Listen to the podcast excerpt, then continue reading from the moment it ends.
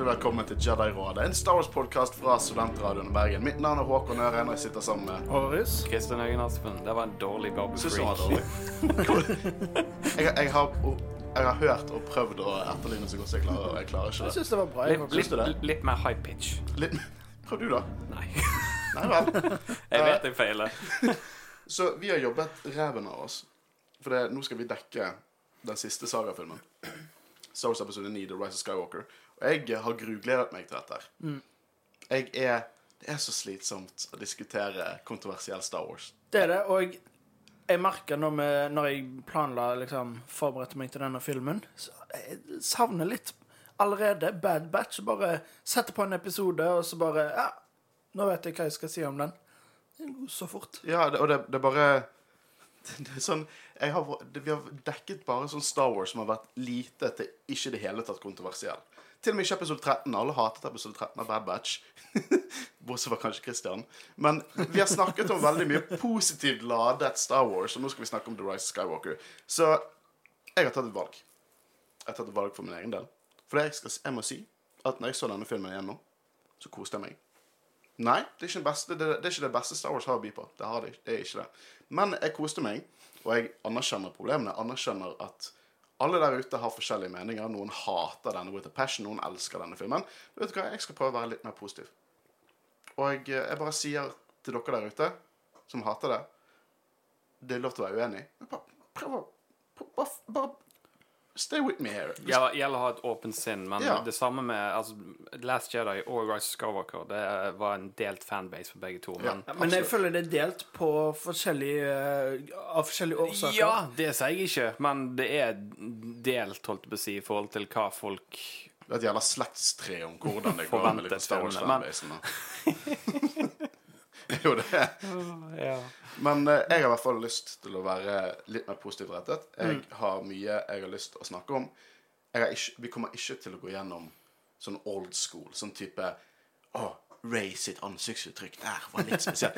Jeg, dere, vi snakker om det vi har lyst til å snakke om her. Vi, vi bare tenker Dere har sett filmen. Dere lyttere. Dere har sett filmen. Dere husker filmen. Dette er ikke en film som dere er sånn Å, det er lenge siden Rise of Skywalker. Dette er en ny film. Den. Wait a minute. Jeg har handlingsreferatet klart her.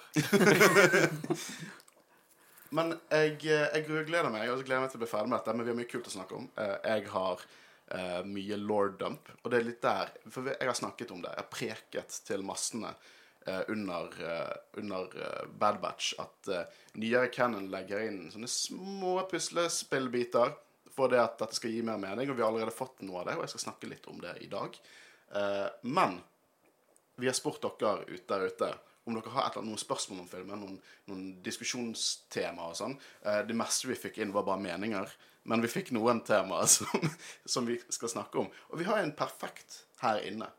Og det var en veldig meta-ting de hadde lyst til at vi skal diskutere. Og det er rett og slett Synes dere denne filmen får litt mye kritikk? Hvorfor mener dere det? Bare biased eller ekte?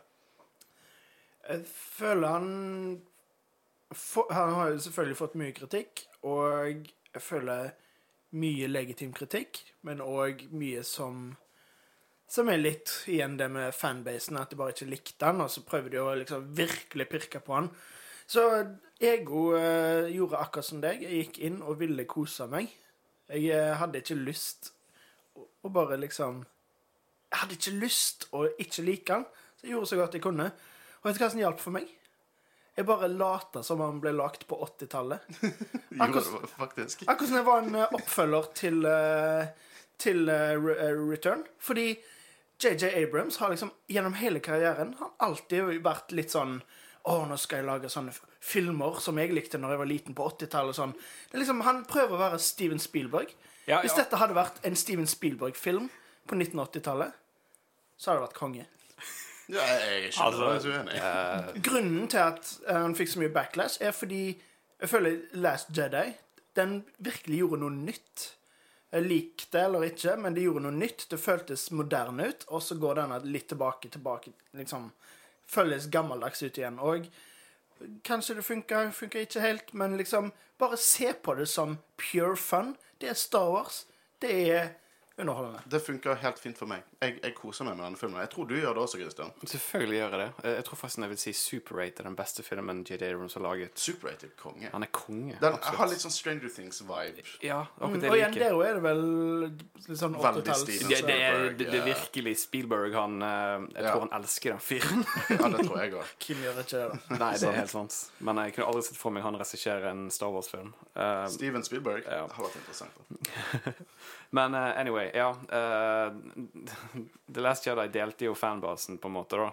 Uh, og det bygget jo videre. For at de som hatet intenst The Last Jedi Jeg vet ikke om de gikk inn med et åpent sinn for å se The Rise of Skywalker, eller hva de gjorde. Jeg tror veldig mange av de ikke gikk inn med åpent sinn, for nå var liksom allerede sånn ah, Star Wars er ruined. Ja, altså, det- Hva kan de har gjøre for å ruine det mer, liksom? Disney har ødelagt sequel-trilogien Uh, tri- Trilogien. Men eh, Ja, det er som du sier. Altså, det, det problemet de hadde, som vi har tatt opp tidligere, er jo at de de burde begynt fra begynnelsen og hatt en historie så de hadde fulgt som en plan ut i tre filmer. Ja. Det er litt feil å hive inn regissør eh, J.J. Abrams på Force Awakens i film nummer syv, og så gi frie tøyler til Ryan Johnson, som ja, han skapte noe originalt, det skal han ha. Ehm, selv om jeg fortsatt ikke er min favorittfilm Nei. i seg selv.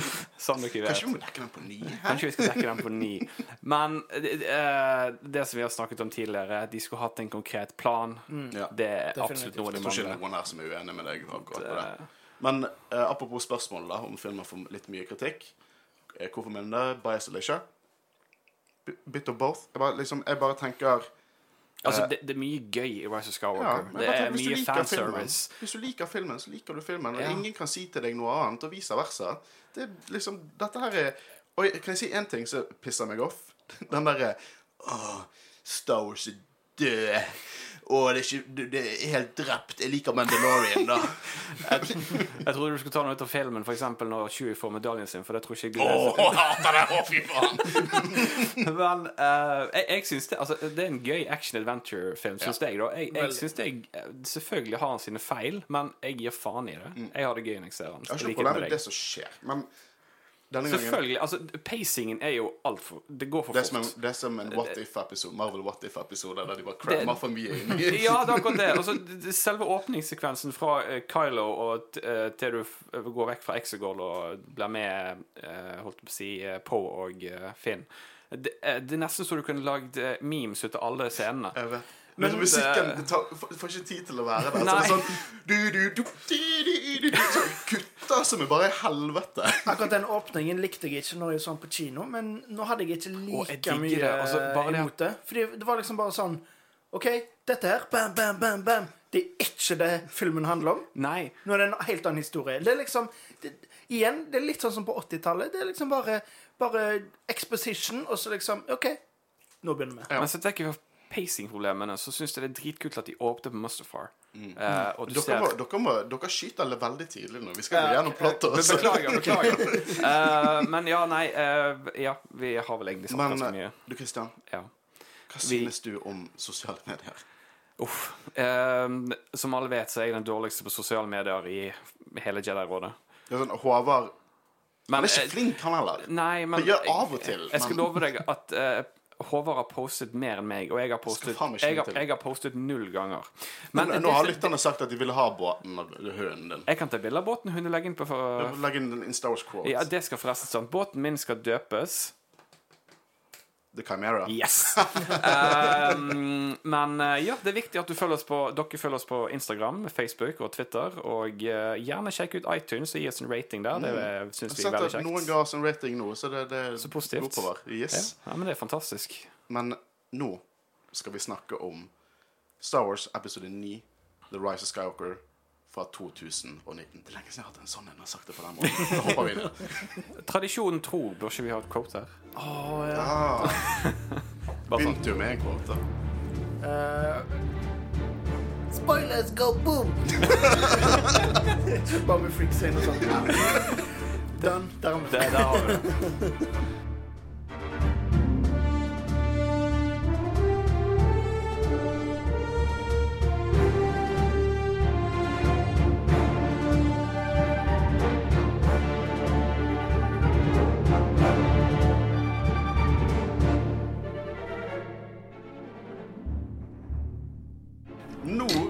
lov til å snakke så mye vi vil om introsekvensen. til- Spoiler alert!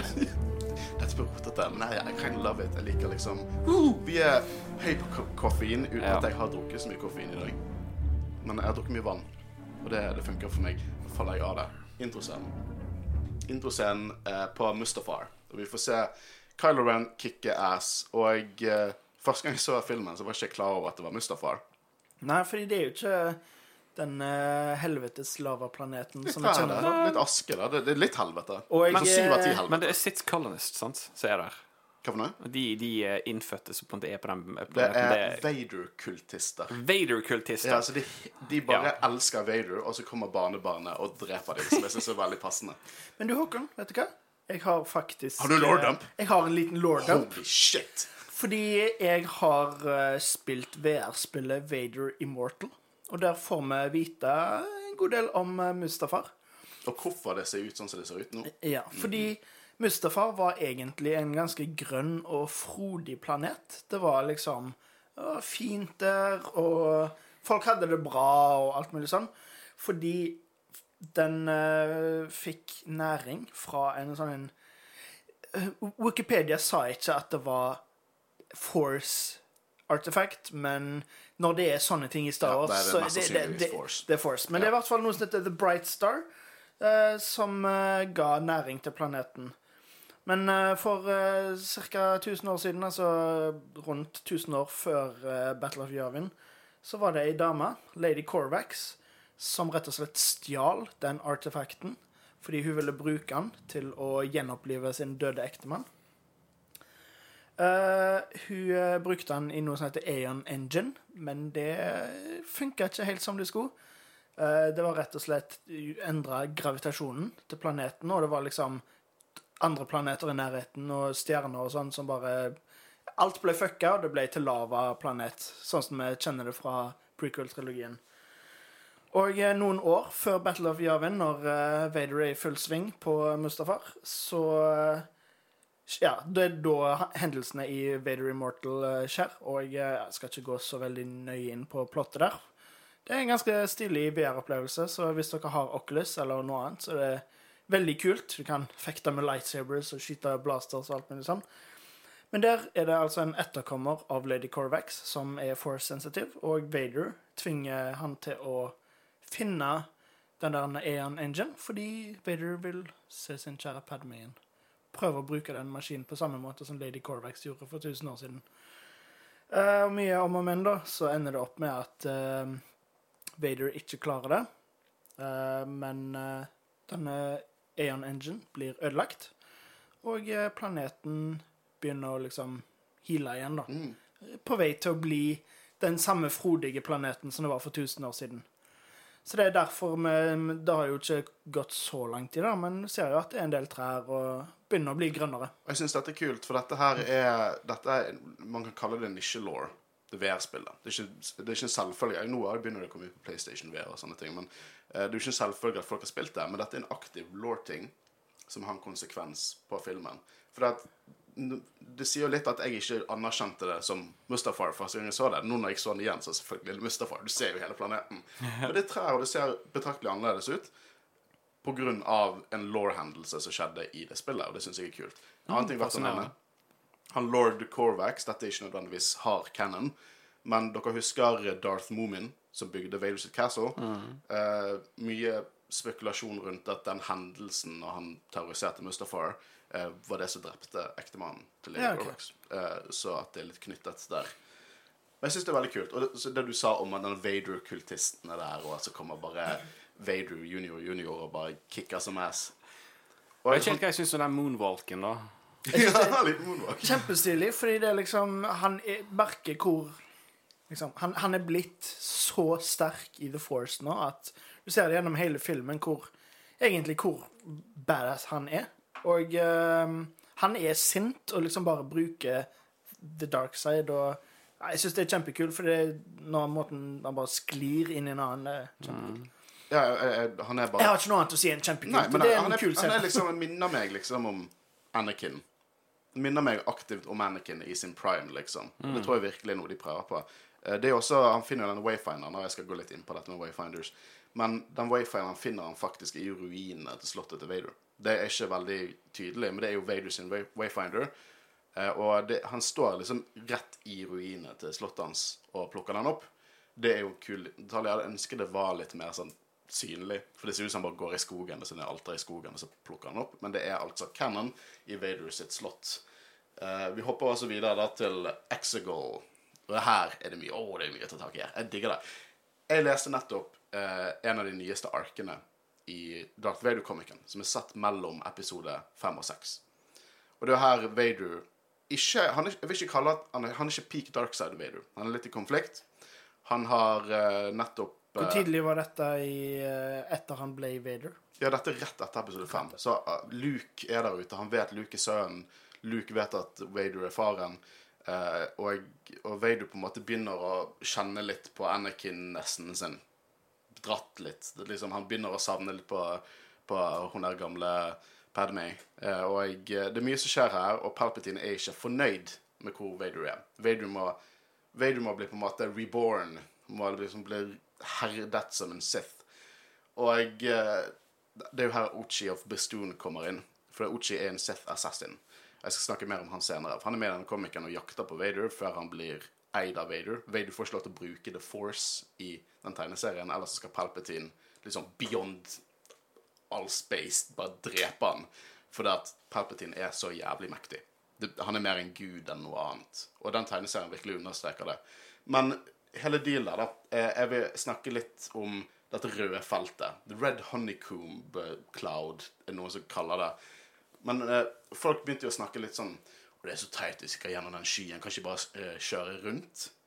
Men jeg vil diskutere litt der. For at, jeg tror ikke folk helt skjønner dette her med hyperspace, lightspeed, alt dette her. For det er ikke sånn at du bare kan dra en random sted. Det er, det er og det går eh, High Republic veldig inn på, at det på en måte er loggført. Det er hyperlanes. Du ser på det som store motorveier i, i space, liksom. Og her har du en, en wayfinder. Den eneste trygge måten Vi kan spekulere om det er den kart, eh, kartførte maten og sånn, det å komme seg gjennom der med denne eh, wayfinderen. Og i dette spacet, denne røde feltet, så er det vesen som jeg kun kan sammenligne med noe fra Lovecraft. Svære blekkspruter, som vi har sett lignende før, men bare som har sånn psykiske evner og liksom telekine... Helt syke greier. Eneste deal er at du kan kun komme deg dit gjennom den røde skyen. Og jeg syns ikke det er stupid. Det ser kanskje visuelt litt stupid ut, men hvis du bare tenker litt på hvordan hyperspace og sånne ting fungerer, så er det veldig enkelt for de å på en måte lage en, en flaskehals for å komme seg til Exegol. Og Exegol, det er ikke Cor- eh, Korriban. Og det gir veldig mening hvorfor det ikke er Korriban. Og jeg husker at jeg hadde veldig lyst til å se Korriban. Eller, eller Morriban, da, som vi så i Clone Wars. Men det er en historisk planet. Liksom, alle vet om Korriban. Det, det er litt som at Og vi vet at Romerriket hadde sete i Roma. Sant? Vi vet at Sith hadde sete i Corban. Mens Exegol er en annen antikk, men skjult, som ikke er åpen for historikere. Folk vet ikke om Exegol. Selvfølgelig er Exegol hovedbasen til Palpatine. Selvfølgelig. Det gir bare mening, og jeg syns det er kult at de gjør det. Og Jeg tror, jeg, tror, jeg, tror, jeg tror jeg snakket med det. Jeg, tror du nevnte det tidligere. Og jeg, Ja, det liksom, har jeg. hvorfor, hvorfor gå til den mest obvious planeten? Ja, det hadde Det hadde vært kult å se Korriban i live action. Jeg hadde Ja. gjerne lyst til å se det en annen gang. Og ligger ikke Korriban litt mer i sånn core Open- system? Jo, jo. Det, for det Exegol er midt i unknown space. sant? Og der også igjen Det er ikke lett å komme seg dit. Uh, men det er mye legender in universe. Og det, og det Disney har gjort, at de har gitt ut bøker med short stories som ikke nødvendigvis har canon, men legendene, historiene, er canon.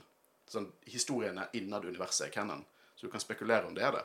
Og der er det en historie om to Sith Lords, Darth Noctis og Darth, Darth Sanguis, som drar dit som er veldig sånn En av de ser ut som en Gollum-vesen og sier ikke hvem han er, og andre drar til Exegol for å få evig liv. Og eh, det viser seg at Gollum, som er Darth Sanguis, driver og lurer personen til å gjøre en sånn en eller annen rituale som han tar alle kreftene. Det er veldig kult. Eh, det er verdt å lese disse Legends, eh, eller liksom In fall, De bygger opp Exegol veldig mye i nyere canon. Og eh, det er jo her eh, vi kan, Jeg kan egentlig snakke litt om dette med Vader og wayfinderen til, til Vader. Fordi at Vader har nok, fått nok av Palpatine. Etter denne testen der Ochi sendte han dit for å, for å på en måte drepe Sendte til Vader for å drepe han på, eh, på Mustafar uten at han kunne bruke The Force. Han blir helt fucket. Han kaster han, Palpatine kaster han i lavaen. Samme sted som han ble kastet ned i lavaen av Obi-Wan. Eller faller ned i lavaen. Og han mangler beina sine og ene armen sin fordi Palpatine bare tar det fra han. Han knuser jo uh, Uchi uten The Force fordi han er motherfuckings Vader. Men han møter på noe som heter The Eye of the Webbish Bog. Og husker dere concept-arten? Han var til eh, Duel of the Fates. Det var en stor sovende baby. Det var en stor sovende baby i, i en dam. Og så var det en sånn edderkopplignende sak som på en måte er det nesten som en parasitt oppå hodet. Det kan, jeg ser på dere at dere ikke husker det, men det Dette har jeg ikke hørt noe veldig weird. Det skulle egentlig være med i Duel of the Fates, til Colin Ja. Trevorrow, men nå blir det tatt med inn i komikeren. Eh, og det er rett og slett Jeg vet ikke hva du skal kalle det. Det er gammelt Det er nesten som The One in the Middle fra, fra Rebels, bare mer dark side. Og han forteller litt sånn Han gir han wayfinderen på Mustafar, for det Vader skal finne ut hva er det Palpatine bygger. Og jeg har et annet spørsmål som vi har fått inn i en diskusjon, om liksom Exegol var en del av The Sith Empire, eller fant de det etter krigen. Palpatine har holdt på på Exegol si, liksom den hovedplanen hans. Det han har bygget der siden, siden han tok over. Mm. Dette her, Han har kultister der. Han har ikke Sith Apprenticer, men han har folk som, er, som han trener opp til å kunne overta for Vader hvis Vader feiler. Og eh, på den planeten han bygger det, du ser dette, han har bygget disse Star Destroyerne, System Class Star Destroyers, eh, med disse superkanonene i mange, mange, mange år. I midten av originaltrilogien så har han en, flere hundre Star Destroyers der eh, på Exegol, og det er Wayfinderen som Vader får av, av uh, Eye of the Webbish Bog, eh, og på en måte drar dit med den. Og Så Wayfinderen den viser bare veien til Exegol, eller er det sånn generell Ja, map-database Nei, det for er til Exegol. Okay. Det er som en Det er som en Liksom, det er koordinater skjult i liksom glyfene der. Det er som kompasset til Jack Sparrow. Ja, OK. Kinda, hvis Jack har veldig lyst til å dra til Exegol. Men på Exegol så er jo det en eh, Palpatine har bare samlet Kyber crystals der. I bare et hav, et, et, en, en, et fjell av Kyber crystals, som han får sine kultister til å bare bløde. For du må bløde en, en, en lightsaber crystal, Kyber crystal, for at liksom sittende føler de skal åpne opp liksom the power. Og det er det han bruker i disse Star Destroyerne. Rett og slett bløde det. Bløde det det. Kyber Crystals for å bygge dette. Hele dealen er dette er en utrolig interessant tegneserie som viser veldig mye hva, hvor, hvor sterk Palpatine er. Han er noe mer. Han, han er absolutt noe mer enn det vi forventer av en Sith. Og jeg, vi, eh, jeg og Guro ser jo gjennom Star Wars kronologisk nå. Og vi så nettopp en digital comic av Son of Dathomir, der de går inn på det at Mother Talson og Palpatine har delt informasjon. Eh, og det er helt klart Det er ikke dette er ikke hard cannon, men det er mye som tyder på det. Helt klart noe magics i, i, i Palpi. Han mikser, han finner mektige force-ting og bare kombinerer det. Han er mer enn en Sith Lord. Han er, han er, liksom, de sier det, Ochi sier i den tegneserien, at den, den makten Palpatine har, det er ikke noe du kan slå med en lightsaber. Det er noe mer. Og Vader på en måte forstår ikke det. I slutten av tegneserien så tar jo Vader og bare sånn Shit, ja, jeg joiner deg igjen. For han prøver, han drar jo dit for å prøve å drepe Palpatine. Og, eh, og eh, det morsomme der er jo når Vader ser hele denne flåten av skip, så bare sier han sånn Er dette alt du har? Er dette du bygger? Hva faen? Så jeg, jeg, jeg synes at det er det jeg snakket litt om. Sånn canon som kan gjøre dette i, til å gi mer mening. Det er en liten del av det. Jeg skjønner jeg det burde vært planlagt. Jeg er ikke uenig. Men vær åpen for dette her. For Nei, men- dette kul canon som gjør at Som på en måte underskriver filmen litt, litt mer. Men Det er jo det de gjør med de nye tingene òg, at de måtte prøve å binde det sammen. Og jeg, jeg synes at de Vader-tegneseriene er helt konge. Og vi skal dekke de en eller annen gang. Ja, Eh, Men de er vi. helt konge, og de gjør, de gjør at når du går tilbake igjen og ser filmene etter du har lest de, så gir de litt mer. Og ikke bare Rise of Skywalker, men originaltrilogien, men prequel-trilogien, men alt der eh, generelt med Star Wars-tegneseriene. Bare helt konge. Men altså, så leser jeg, Når jeg leser på kommentarfeltene angående Rise of Skywalker og Palpatine, er at mange spør hvorfor i all verden han er i live, og på en måte det eh, gir mindre mening til Anakin sitt sacrifice i Return to Jedi. Men eh, ta for eksempel eh, Det, det der sitatet som han sier i filmen, sånn som du sier, og du har sagt, at på en måte The dark side of the force is a pathway to which many consider to be unnatural. er jo en jævlig god forklaring. Men jeg føler jo òg at når Palpatine sier i Range of the Sith at um, uh, At han har på en måte Plagueis lærte han hvordan han kunne cheate deaths, yeah. basically. Eh, men òg mange som klager på at hvordan overlevde han det fallet. Men er ikke det mer i at kroppen hans døde, men selve sjelen hans Ja, det er overført? Det er jo det som kommer er fram. Og det er det som kommer fram i filmen. At det, det liksom the spirit Det er jo det han vil gjøre med Ray òg, på en måte. Alle, alle sittende blir inni henne.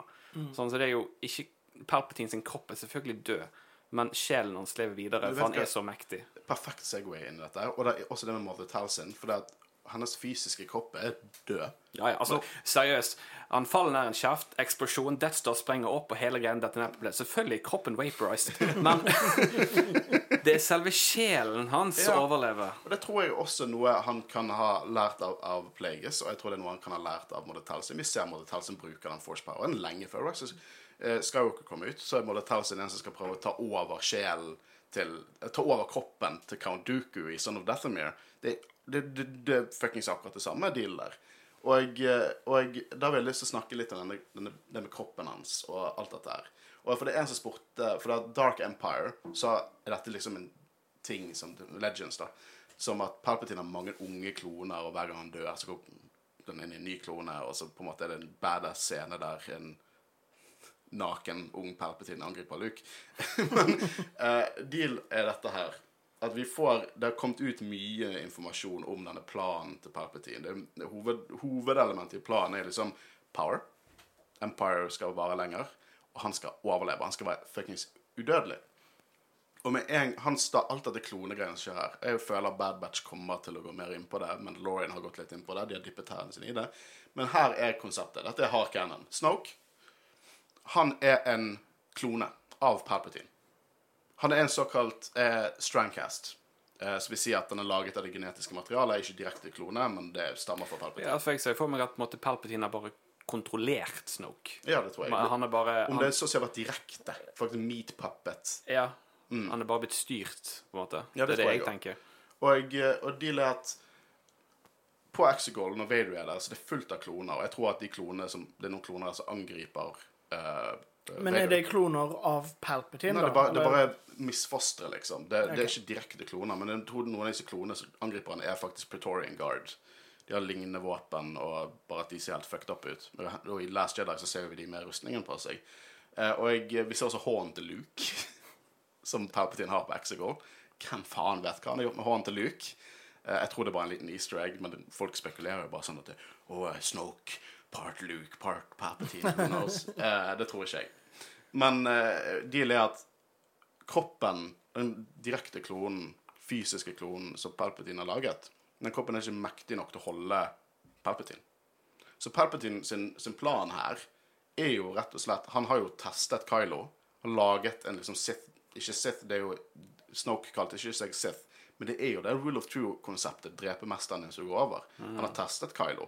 Og nå er jo det hele denne filmen er at liksom Å, Ray, du skal drepe alle og være min neste. Kylo, du skal drepe Ray. Han, han vil bare ha den beste på toppen. Han vil teste dem mot hverandre. Dette er canon. Han vil teste dem mot hverandre. Den som vinner, er hans. Og det han vil Han vil ikke noe sånn at å, å, Ray eller Kylo skal på en måte være hans etterkommer. Han vil fysisk være de. Liksom, hvis Ray kommer på tronen, så skal Sheeve Palpatine inn i kroppen til Ray. Det er det som er hans plan. Eller hvis Kylo er på toppen, så skal Sheeve Palpatine inn i kroppen til Kylo. Det, det, det er planen hans. For da finner han liksom noen som er mektig i The Force, som han på veldig måte til sin måte kan rett og slett gå inn i og være fysisk tilbake. Det er, det er det han prøver på å gjøre nå. Og det er det han har prøvd. Han har hele tiden prøvd med kloningen. De tar ikke imot eh, mot sjelen hans, basically. Og det han gjorde med, med sin sønn som egentlig er en Strandcast-klone, altså faren til Ray. Det er klone, det er en Strandcast-klone, som ikke hadde The Force. Det bare, det gikk ikke. Og han ble bare sluppet ut. Og så kommer han og får seg et, et barn som er Ray. Så Ray er ikke direkte barnebarnet til Palpatine.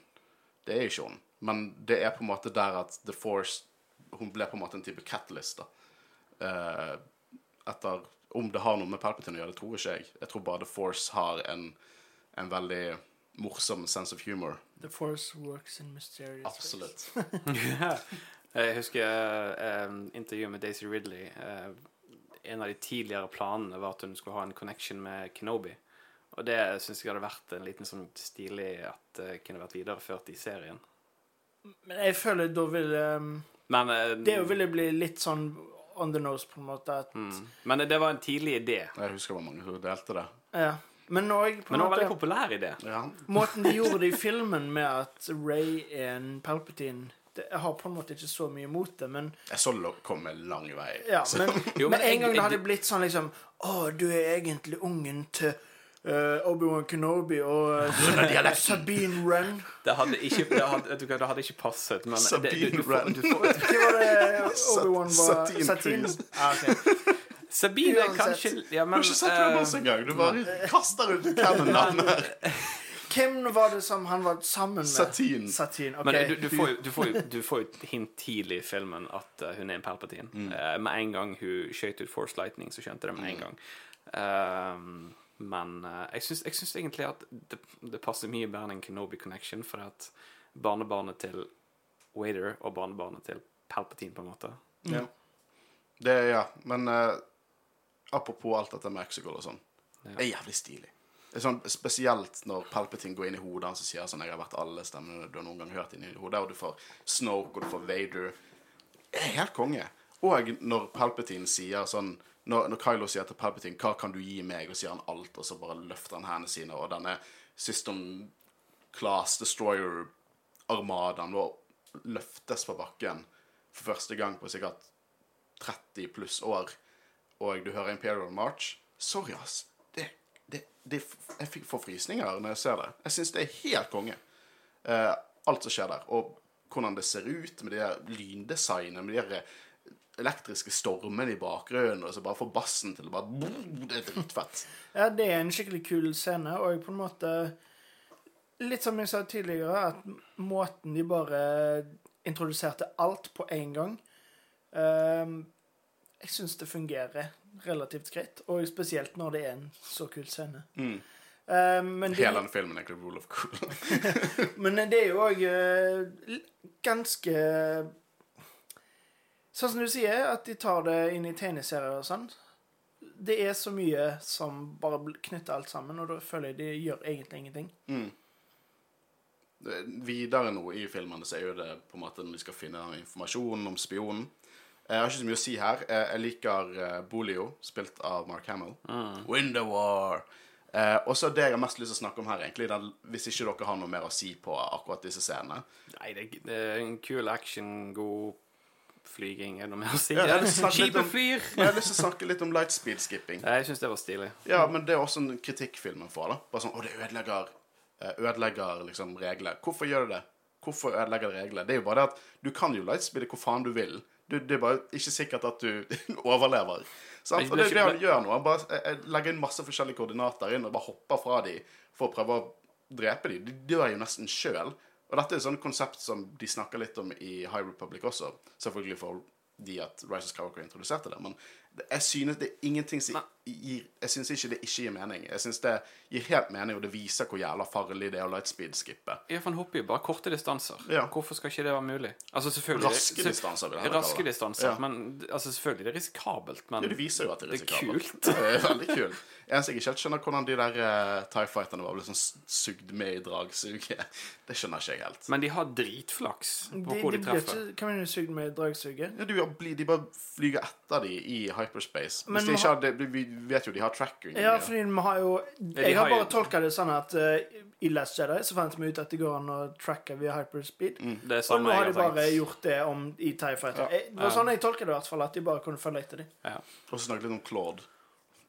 Claude? Ja, den store sneglen med crazy hår som bare er der. og så heter han Claude.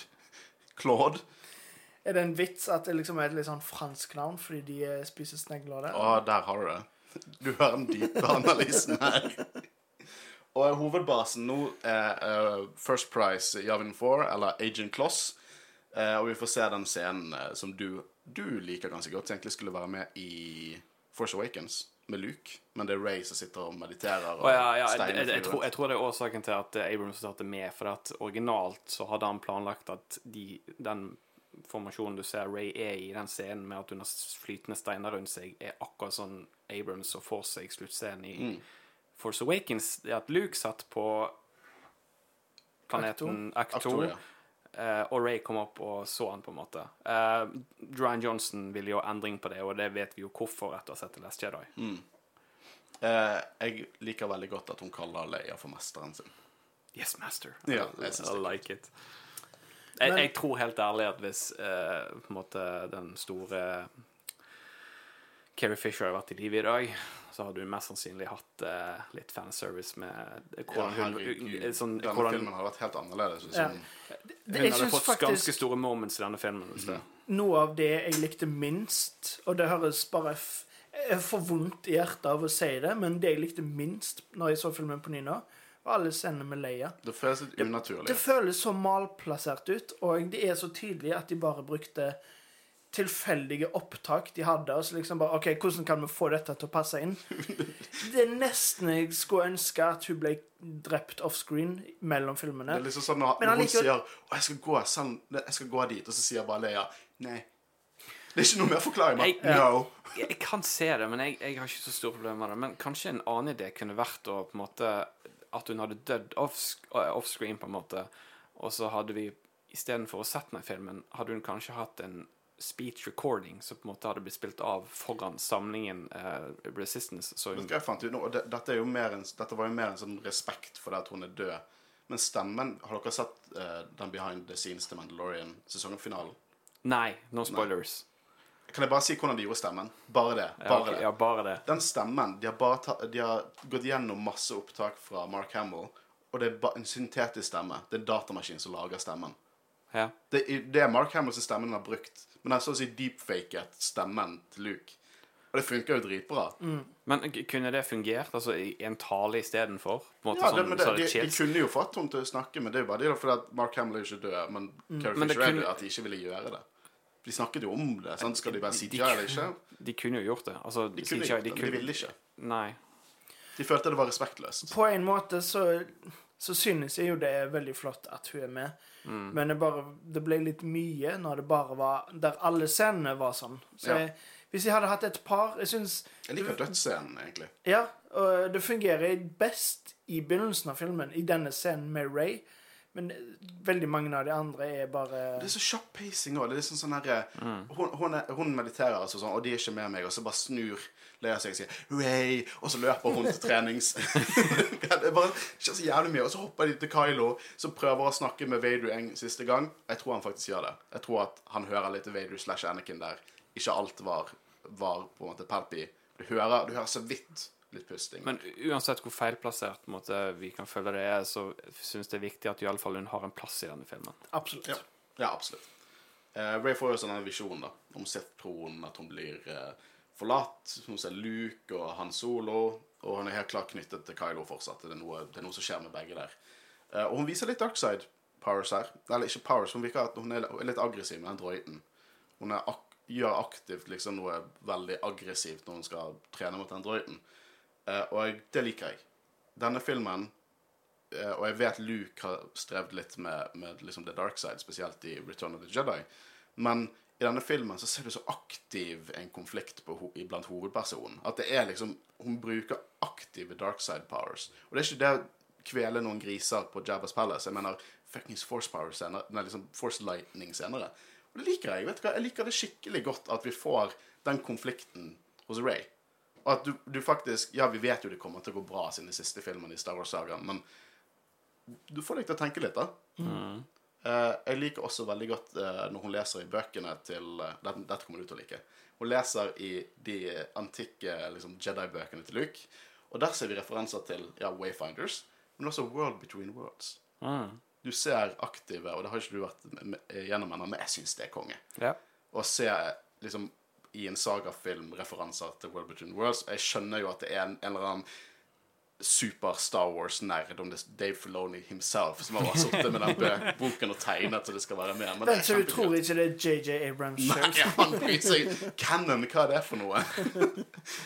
Eh, men det er liksom Det som skjer her i begynnelsen En annen ting jeg liker veldig godt i den filmen Så Nå prøver jeg å være positiv. Jeg anerkjenner problemene, men jeg prøver å være positivt. Og det jeg liker veldig godt her med hovedpersonen, er at det føles som en trio. Det føles som De har god dynamikk med, med Ray, Finn og Poe. Og det føles som han, Luke og Leia. Men det føler jeg, altså det gjenskapte denne filmen, det er kameratskapet som vi fikk med Han, Luke og Leia. At de For det, vi fikk ikke det i de to forrige filmene. Nei, og det har de virkelig eh, stått på for å få til i denne filmen, og det får de til. Det skal de gjøre. Jeg føler mye av det som gjør de to forrige filmene dårlig, er at det er alltid adskilt. De gjør Ja. ingenting sammen, og for all del, det er jo veldig kjekt når uh, Ray er på akt to med Luke og alt mulig sånn. Men uh, som dere sier, det savner liksom litt det kameratskapet, så jeg er veldig glad vi fikk det i denne filmen. Og C-Tripio er jo Dette er jo hans film. Han er jo helt konge i denne filmen. Han, Han har jo så han, han jævlig har den beste scenen, uh, humorinnslaget ever. Ja, det er bare Helt konge. Eh, jeg liker også den derre No spy, no spy. og, og de drar det ganske bra fra liksom sånn Å, humor, gøy, til seriøst. Når Poe bare snur seg sånn Du er aldri der ute. Du skjønner vi trenger deg der ute, og her, ikke her trene. Akkurat det vi sier, jo. Og eh, ja, i bakgrunnen så ser vi sønnen til Akbar. Uh, by the way. Han er med der. Uh, stemmen er jo fra Hva heter han? Han som har skrevet den filmen. Han skrev også Batman ved Supermann. Hva film? Batman ved Supermann. Han skrev den filmen. Jeg husker ikke hva han heter. Uh, ja, jeg kommer sikkert til å få en sint melding fra Marius uh, fra Tennisligaen om uh, hva han heter. Eh, men i hvert fall, det er mye exposition om at Palpatine er tilbake. Og eh, de har fått litt Somehow Palpatine has ja, for det er Munti Marriadoc Brandybuck eh, forteller oss eh, at Å, Sith cloning. Secrets that only, only the Sith knew. uh, og de har fått den beskjeden fra den spionen som er i The First Order. Chris Terrier. Har du. Sånn, Marius, nå kan du sette deg ned. Uh, og Mary Jeg gadd ikke å finne hans ekte navn, for han er bare en sånn exposition-karakter. Men uh, Marriadoc uh, Brandybuck, uh, han er in universe en historienerd. Murray. Og det her de snakker liksom om The Final Order, og at det er en planet in unknown regions, Exegol, og C-3PO sier at å, den legenden sier at den skjulte verden til Sith. Det skjer jævlig mye exposition her. uh, og jeg liker det de har gjort nå. Det er en, av mine favorittscener uh, fra, om Leia, liksom, i denne filmen. For at hun sier 'always in the shadows', noe som også Maul sier i Siege of Mandalore. 'He's always in the shadows'. Sant? Og det er en bitte liten ting prøver å, å feste kontinuitet, sant? og jeg setter pris på det.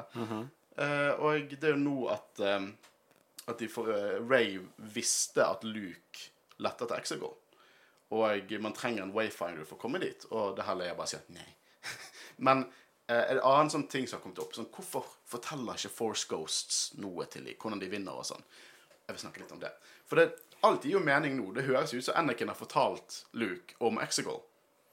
Og han på en måte har lett etter det og funnet the ancient texts og på en måte prøver å finne den wayfinderen. Men vi må huske at Force Ghosts er ikke en linært vesen. De lever utenfor space og tid. De ser fremtiden. De vet når de skal komme inn og gjøre noe. Og i, i From a certain point of view blir det forklart at å trekke seg ut av liksom denne nirvanaen som er Force Heaven, er en smertefull prosess. Sånn, De vil ikke det. Men uansett når de ikke vil det, de er så å si guder. Og de, de, de tenker ikke sånn 'Å, nå må jeg gjøre det for å redde de', selv om i Return of the Jedi så er Obi-Wan litt sånn 'Oh, that boy's our last hope'. Men de vet når de skal komme inn. De vet, de, de vet når de skal si det og pushe de til å gjøre ting. Og alt, alt er orkestrert Hva Hva ordet prøver jeg å si nå? Det, det, Orkestrert. ja, av The Force. Det er ikke de som aktivt skal gjøre ting. De vet når de skal komme inn. De har allerede sett at de kommer inn og hjelper dem. For alt de vet i sitt hode, så har de allerede gjort det. For de lever utenfor tid og space. Nei, det er ikke sånn at Force Ghosts alltid kan bare gå inn og fikse ting. Sånn når Obi-Wan sier at 'jeg kan ikke slå Vader for deg' til Luke, det er fordi det er ikke meningen at han skal gjøre det for han. The Force har sagt det. Så derfor, alle typer ting Det er sånn, dette er en sånn ting som får hodet til å brenne når du tenker på det. Men du, man kan ikke Man må bare akseptere at det er sånn Force Ghost fungerer. Og det er ikke sånn at de kan gå, komme inn og gjøre, gjøre alt dette. I Canon gir det mening basert på hvordan vi har sett Force Ghost, men også fra metaperspektiv. Hvor kjedelig hadde det vært hvis bare Quaigon dukket opp i alle filmene og bare fikset alt? Han har veldig particular set of skills. og eh, den lille Apropos uh, Ringenes herre, når det liksom er I'm going alone. Of course you are. And we're coming with you. Det er en fin scene. Jeg liker det. Og det siste øyeblikket med Leia. Det er også et fint øyeblikk når hun får den uh, klemmen og lightsaberen. Det, det er bare å ikke være redd for den du er. Det, det er en passende scene. Så det er noen Er det- gode er det- Det er noen som er veldig gode i denne filmen. Eh, vi hopper jo også til, uh, til et close-up av en Symion, rasen, av Sith-alkymisten Albrek, som fikser eh, masken til Kylo. Og nå forventer jeg at dere har researchet, og bak Kylo Ren så ser jeg liksom på at masken blir smidd på nytt. Eh, det er jo her i mine øyne at han virkelig tar for seg rollen som Vader med masken tilbake. Og han bruker den ikke så mye i filmen, men jeg føler det representerer litt sånn peak dark side igjen. Og eh, Christian, fortell meg om de Hva heter de ulike Nights of Ren som står i bakgrunnen? Bare én av de. Si en av de, som er happy. Håvard! Alexander. Nei. Du har Aplek. Han har dere hørt om før. Det er han jeg husker best. Så det er Kardo, Kuruk, Trødgen, uh, Ushar og Victrul. Men dette var jo et spørsmål på den Ja, quizen, dere har fortsatt ikke lært en dritt. Hva var det på quizen? Å ja. Det er vanskelige navn, OK? Ja, det er- Du husker det ikke. Du måtte, Aplek. du måtte Jeg husker. Aplek. Og trøggen. For jeg ruller ikke av tungen. Men den her òg, disse her eh, Nights of Ren ble teaset, og eh, de var vel med i den der flashback-scenen Ja, i Force Awakens, til. Force Awakens. Sorry, men de burde vært introdusert igjen i The Last Jedi. Ikke tease de i Force Awakens, hvor- ikke se de i noe som Men hvor som mye in universe ble de teaset, da? For det var bare én line, liksom. Sånn, han sier, Snoke sier vel i Force Awakens 'Master of the Nights of Ren'. Ja, og så du ser, du, ser, du ser det jo bare i den flashback-scenen Ja. i Force Awakens, men jeg føler liksom at hvis de bygger opp noe med de, og så burde kanskje de vært introdusert før. Men det er jo det vi snakker om, at de mangler en historie i Ja. helhet. De, de, de, er Nazguls her, basically. De, de, de, de kunne vært mer. De, kunne, de burde kanskje vært mer. Jeg vet ikke. Men Men samtidig mm, Hvis Du kan, gjerne, du kan gjerne si at de er brukt nok i filmen, Mm. men at de står på en kliffe Kameraet går rundt jeg, jeg, de, de, de kom liksom eh, fram på de convenient eh, scenene som statuer. ja, basically. Eh, så jeg er ikke helt fornøyd med måten de er brukt på. Men hva var det du skulle si, Håvard?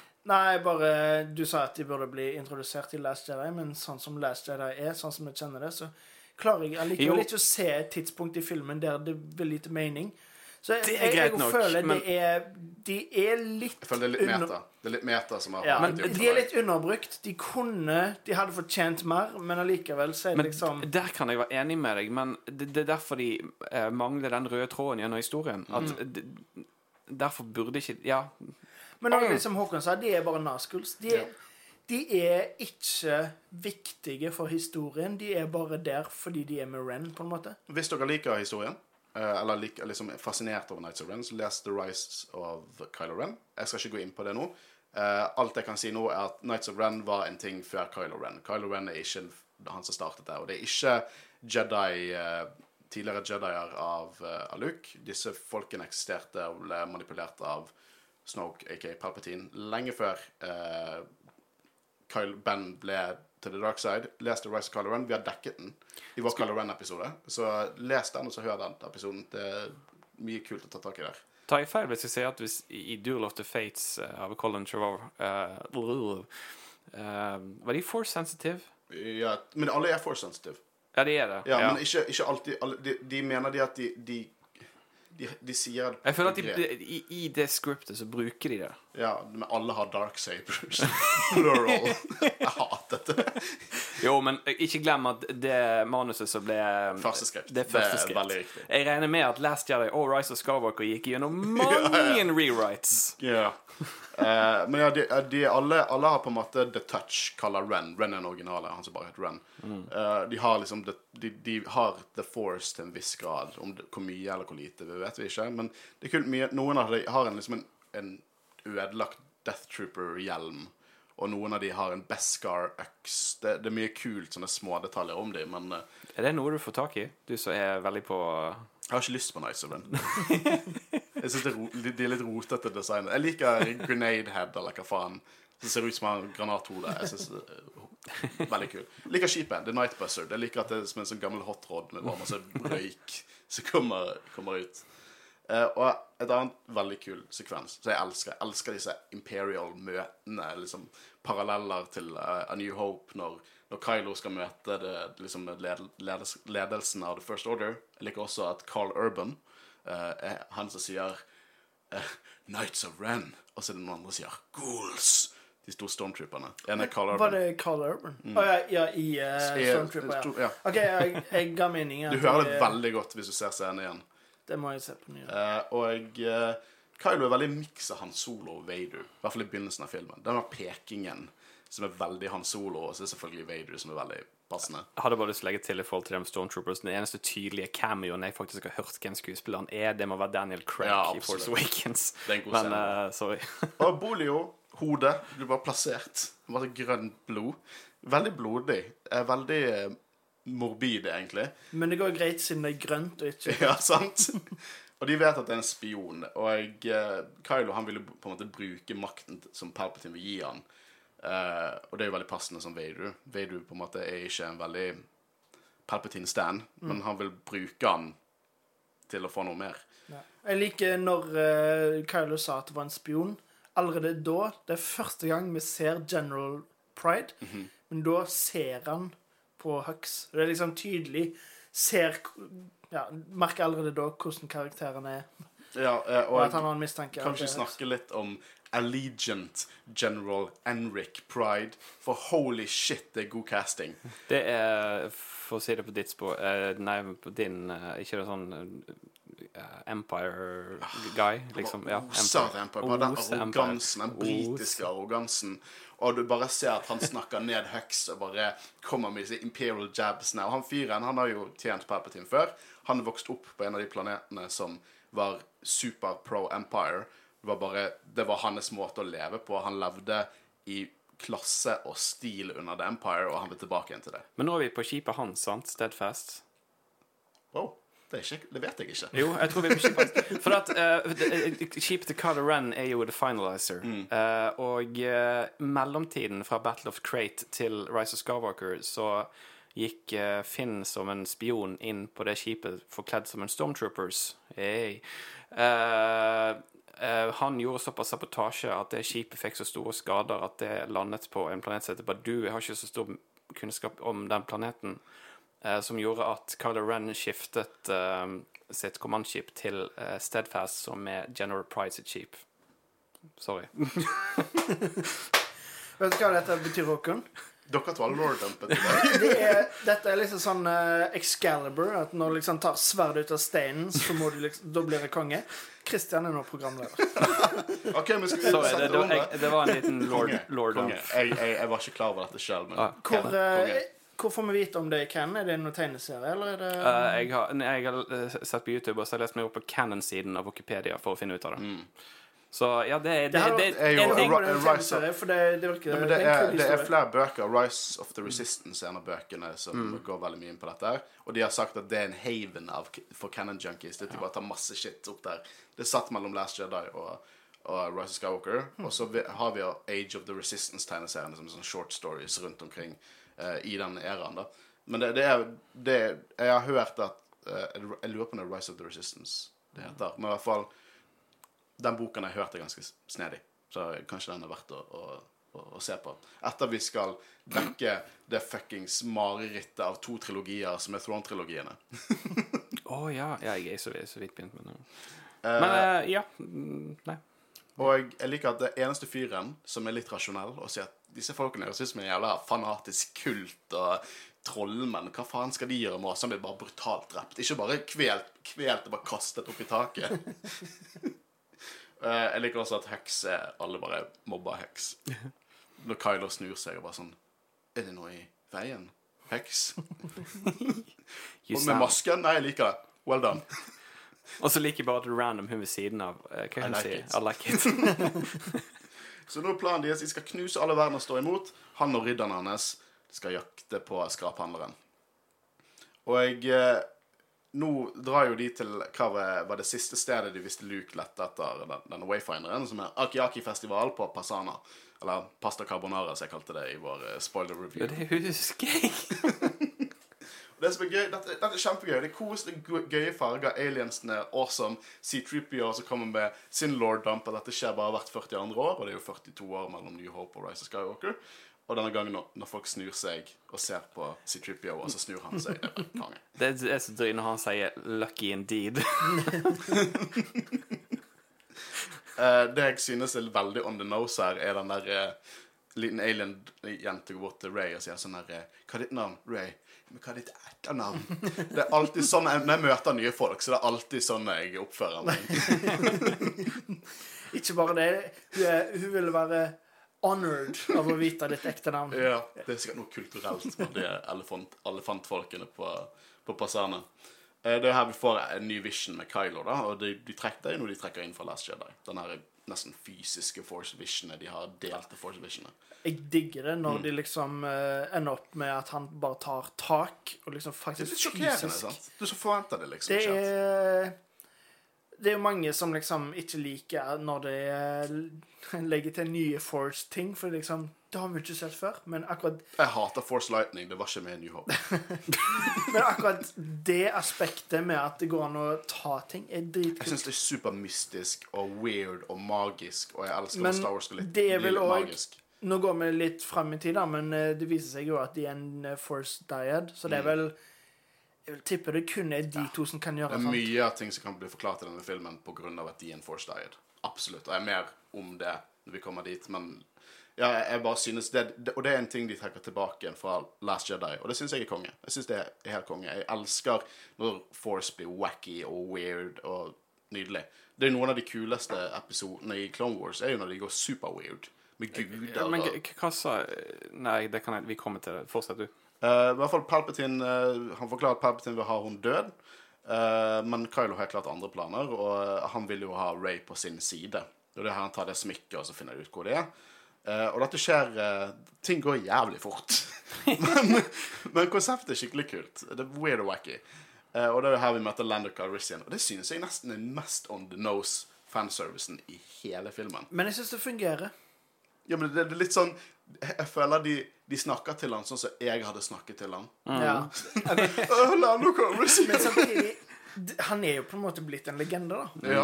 Så ja. Nei, jeg syns bare det er en koselig scene, måten de introduserer det på. Liksom Uh, A Wookie stands out in the crowd. Så tar han av, og så begynner de å klemme. Det er bare Men det beste med scenen er jo den lille dame-alien i eh, forsetet sitt Kalone som bare sier OK! Er det en dame? Ja. Å, jeg elsker hun. Jeg elsker hun. Eh, Det er men mange bra aliens i denne filmen. Det det skal jeg ha. men eh, hele dealen til Lando Han har jo ligget lavt fordi at han har mistet en datter til The First Order. De har kidnappet barnet hans. Og jeg, eh, for det, det er jo det First Order gjør. De er jo, de er jo, de er jo så jævla satan-onde at det er skummelt. Det er ikke noe The Empire. Men eh, nå begynner han eh, De er jo snakke om denne Wayfinderen, og eh, han begynner jo å gå inn på at han har lett etter det med Luke. Så jeg, jeg, jeg, jeg, kan- akseptere Sebastian Stan nå, altså. For det, jeg har lyst til å se det. Liksom land, unge Landall. Med, med. Donald Glover. Ja. Åh, come on. Ja, jeg vet, det har lyst Jeg har lyst til det. Jeg, I, I want it. I want it. I want it. Uh, men uh, det er på en måte De vil uh, De vil prøve å rekruttere han da en last time. Var han, nå har jeg sagt han lå lavt der og er litt deprimert siden datteren ble kidnappet. Uh, det er jo får vi vite i en annen canon. For det er Visional Dictionary. Ok. Så det er litt halvveis canon. Men uh, det er jo det Og jeg, det synes jeg er litt negativt. Fordi at vi får ikke den der opp Stormtrooper Rebellion. Så er det håp. jeg hadde håpet vi fikk en sånn Captain America-speech fra Finn. Sånn der eh, Ja, men det, I det, bet det, det, det alone. var Og så tar de stormtrooperne bare legger fra seg blasterne, eller begynner å drepe Sith-trooperne som kommer opp senere. Du har rød versus hvit, det er jo, og de er på en måte kidnappede, hjernevaskede barn som våre helter bare sånn Woohoo! Skyt en pil i hodet ditt! Men det var en av de tingene jeg faktisk likte med Colin Trevor sitt eh, manus. Jeg vet ikke om det er dumt å gå inn på det manuset. Jo, men Finn sin historie der er mye bedre. Ja, eh, på en måte han Har du lest det manuset? Nei, ikke ennå. Nei, for på det manuset så på en måte eh, blir han tatt til fange på Coruscant. Oi! Eh, eh, og eh, han ble tatt til en fangeleir, mens hun Rose. Rose blir tatt til inter Stakkars Rose i denne filmen. interrogation av Hux. Av en Force-galen Hux, for å si det på den måten. Ja. Eh, anyway, uh, i den fangeleiren så på en måte uh, jeg, føler, jeg føler du får mer dybde i hans på en måte frarivelse fra First Order. Mm. Det trenger For der prøver han å på en måte ikke, rekruttere, men å skape en, en gjeng eller, er Hvordan ville du forklart det? konflikt, i det? Han klarer jo det. det Ja, han klarer det. Og det blir liksom en rebellion, på en måte. Og jeg, jeg hadde, det er en av de tingene jeg elsker med det manuset. Ja, det er alt med Finn og Rose og Coruscant, bortsett Ja. fra at de trekker inn sånn Å, nå dukket det opp eh, fullt av Mandalorian Supertroopers med rustningen til Fasma. Jeg bare sånn Jesus Christ, du høres ut som en tolv år gammel gutt som har spist for mye sukker. Uh, og, og Darks Sabers plural nei. Men akkurat det med Finn og Rose òg, da, for så vidt Vet du at søsteren til Rose i Last Jedi var mer med i den filmen enn Rose er med i denne filmen? Men jeg skjønner veldig godt at John Boyega har eh, klikka litt på Disney etterpå, fordi Finn har ikke en god historie i denne Men det filmen hadde han han med den Jeg føler det. Med den rebellion, på en måte. Ja. Men vet du hva? Jeg, jeg er mye mer fast, interessert i Finn som karakter i denne filmen enn jeg har vært i de to andre. Det er jeg absolutt, Mm. men allikevel så er det mye tapt potensial. Og jeg kommer garantert til å si tapt potensial mange ganger gjennom denne episoden her, Mm. fordi jeg føler det definerer Rise of Skywalker. Det er mye bra, men det er òg veldig mye tapt potensial. Ja, det er sant. Jeg, jeg er ikke uenig. Men eh, nå er jo det det at eh, det er noe sånn Give Leia my love, og så sier Ray bare sånn Give it to you, her yourself. Og så teaser de at han kommer til å dukke opp senere. Jeg liker den lille staven han har. Jeg vet ikke om han går med nå. Han har en sånn liten walking cane. Og toppen ser ut som Cloud City, som er miniatyr Cloud City. Uh, så det er jo en liten gøy detalj i propsene. Men nå skal de finne dette skipet, da. Uh, og jeg, uh, jeg synes det er litt teit. For det, nå er det også en annen sånn plot point med at liksom Poe har noe shady fortid. Men come on, hvordan, hvorfor skal Finn reagere på at han liksom hotwirer en speeder? Hva faen er dette for Goody Two Shows Rebellion? Liksom, I gamle dager så hadde de smuglere og shit som jobbet for de. Og det er fordi han hotwirer en speeder, så er det liksom sånn Nei, The Resistance er for godt for oss. Sånt tull. Hva faen for svart og hvitt konsept er dette her? Ja, det er ganske teit. Og det er jo bare for at den revealen skal bli enda større. Liksom, å ja, nei, jeg har tenkt på det hele tida. Det er noe rart med han Poe, liksom. Ja. Men uh, ja, nei Jeg reagerte ikke på det. Hvis ikke Finn hadde laget en big deal ut av det, så hadde jeg ikke reagert på den han hotwired i jævla speeder. Men det var han solo kunne gjort. Jeg føler at Poe Dameron er en karakter som kunne gjort det. Ja, han er, han er litt mer som en Han er, han er, som, han er, han er liksom han solo-stand-in her. Ja. Uh, men eh, nå blir det en kul jakt, eh, og jeg, jeg, jeg synes det er en kjempegøy They fly now? They Ja. fly Ja, men now! apropos They Fly Now, hva synes dere om det? Jeg digget det. Ja, for det, jeg, jeg er så jævlig lei av den kontroversen. They Fly Now Jeg synes det er en helt det, Ok, jeg synes det er en good line. Det er en god komedisk sånn oh shit-line. Og nei, ikke ta det til bullshit. Dette har fucking John Boyega tatt sjøl. Dette bullshitet med at sånn Å ja, men jetpacks er canon. Jeg vet Jeg vet at pistoler eksisterer i mitt eh, univers. Men hvis en vekter hadde løpt mot meg med et fuckings maskingevær, så hadde jeg reagert litt. Sånn, det er ikke sikkert de har, at jet troopers er et veldig vanlig konsept. Aner du hvor jævlig mange forskjellige Stormtrooper-varianter Hver jævlig spin-off som kommer opp, så er det en ny Stormtrooper-variant. Selvfølgelig, også They Fly Now. Jeg syns det er veldig passende. Det er jeg, Sorry, men jeg, jeg syns det er bullshit-kritikk at They Fly Now Av så mye du kan kritisere denne filmen. They Fly Now er liksom Men det er jo Oh my bare et god! et sånn wholehearted, eh, morsomt øyeblikk. Det er typisk Star Wars-humor, på en måte. Ja, det syns jeg òg. jeg liker den lille katapult-speederen, tanksen de har. Jeg syns den er veldig gøy. Uh, men det er en kul, det er en kul, uh, kul liten uh, jakt. Og den der 'Never Underestimated droid' som trekker litt inn der med, med Leia. Og det syns jeg også by the way, er et godt quote de har fått inn der. Når, Ja. når BB-8 sier sånn at han skal hjelpe henne, og så Never underestimate a droid. Konge. Eh, og det er jo Ochi sitt skip hun ser på, eh, som hun også så på Jakku når hun ble forlatt. Og det, det la jeg merke til med en gang. De har jo på en måte prøvd å dytte det inn at det er samme skipet. Hvor lenge har det stått der? Det har stått der i hvert fall i 20 til 30 år, kanskje. Det har stått der lenge. Ganske rart at det har stått der så lenge, altså. Men eh, Eller vi vet jo ikke helt hvor lenge det har stått der, men det, uansett, den planeten så jo ikke veldig moderne ut. da. Så samtidig Det er jo sikkert en, et par som kan fly, eller noe sånt, men det virker jo mer som litt mer sånn native mm. Og nå har de fått, nå har de fått Nei, godt, informasjon godt, godt poeng. De har fått Ja. informasjon fra Lando, da. Så de, de drar jo ikke bare random dit. Og han fortalte jo også at det var to wayfindere som ble laget. Eh, og her er det han og finner noe å fortelle. Og jeg, det er så irriterende. Jeg bare, Hvorfor gidder han med dette her med sånn Oh, I need to tell you something. Og så sier han ingenting. Og det første jeg tenkte når jeg så filmen, var sånn oh, at han elsker henne? Er det, er det det? Trekker de det inn? Nei, han har The Force. Er det det han skal si til, til henne? Og jeg bare syns det er så teit. Bare, hvorfor, skal være, hvorfor skal det være sånn I need to tell you something. Og hva skal hun med den informasjonen rett før de dør? Hva Gjør det hennes død noe bedre? At, at hun vet at Finn hadde Force? Herregud. Men eh, jeg liker også den lille scenen. De kutter til Snap Wexley. Og den derre Stay Positive-scenen.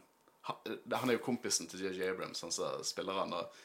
Det, var, det, det, det er sånn typisk JJ-humor som jeg liker. Den, han er litt sånn snappy på dialogen. Eh, og det syns jeg er, helt konge. Jeg likte den scenen, jeg òg.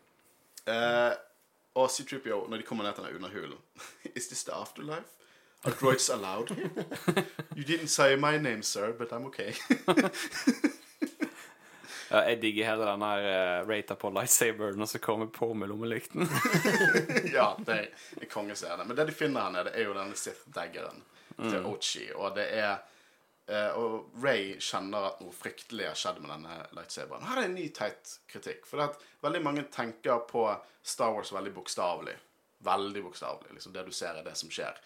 Men den force-evnen av å på en måte kunne huske ting som har skjedd med en gjenstand, det er ikke nødvendigvis en veldig Det er ikke nødvendigvis en veldig sånn vanlig power eller noe som alle kjenner veldig dyrisk. Hun kjenner nå at den blir brukt til noe fryktelig. Men for eksempel Cal Kestis i Jedi Fallen Order. De gjør det veldig kult, en spillmekanikk.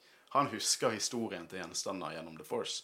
Men nå er det sånn Å, men hvorfor husker hun ikke at liksom i Anakin sin lightsaber drepte younglings? Det er gjort utrolig mye godt med den lightsaberen også. Og ja, ja, det er en ond hendelse som har skjedd, men, men dette her er en Sith dagger.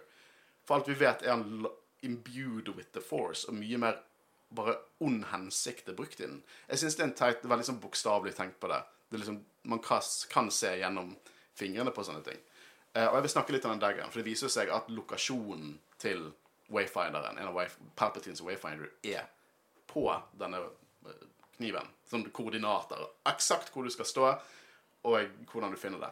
Og dette er en, det er en stupid filmting. Det, det er for mye duppeditter i denne filmen. Det er det. Denne, denne, hun skal finne en duppeditt.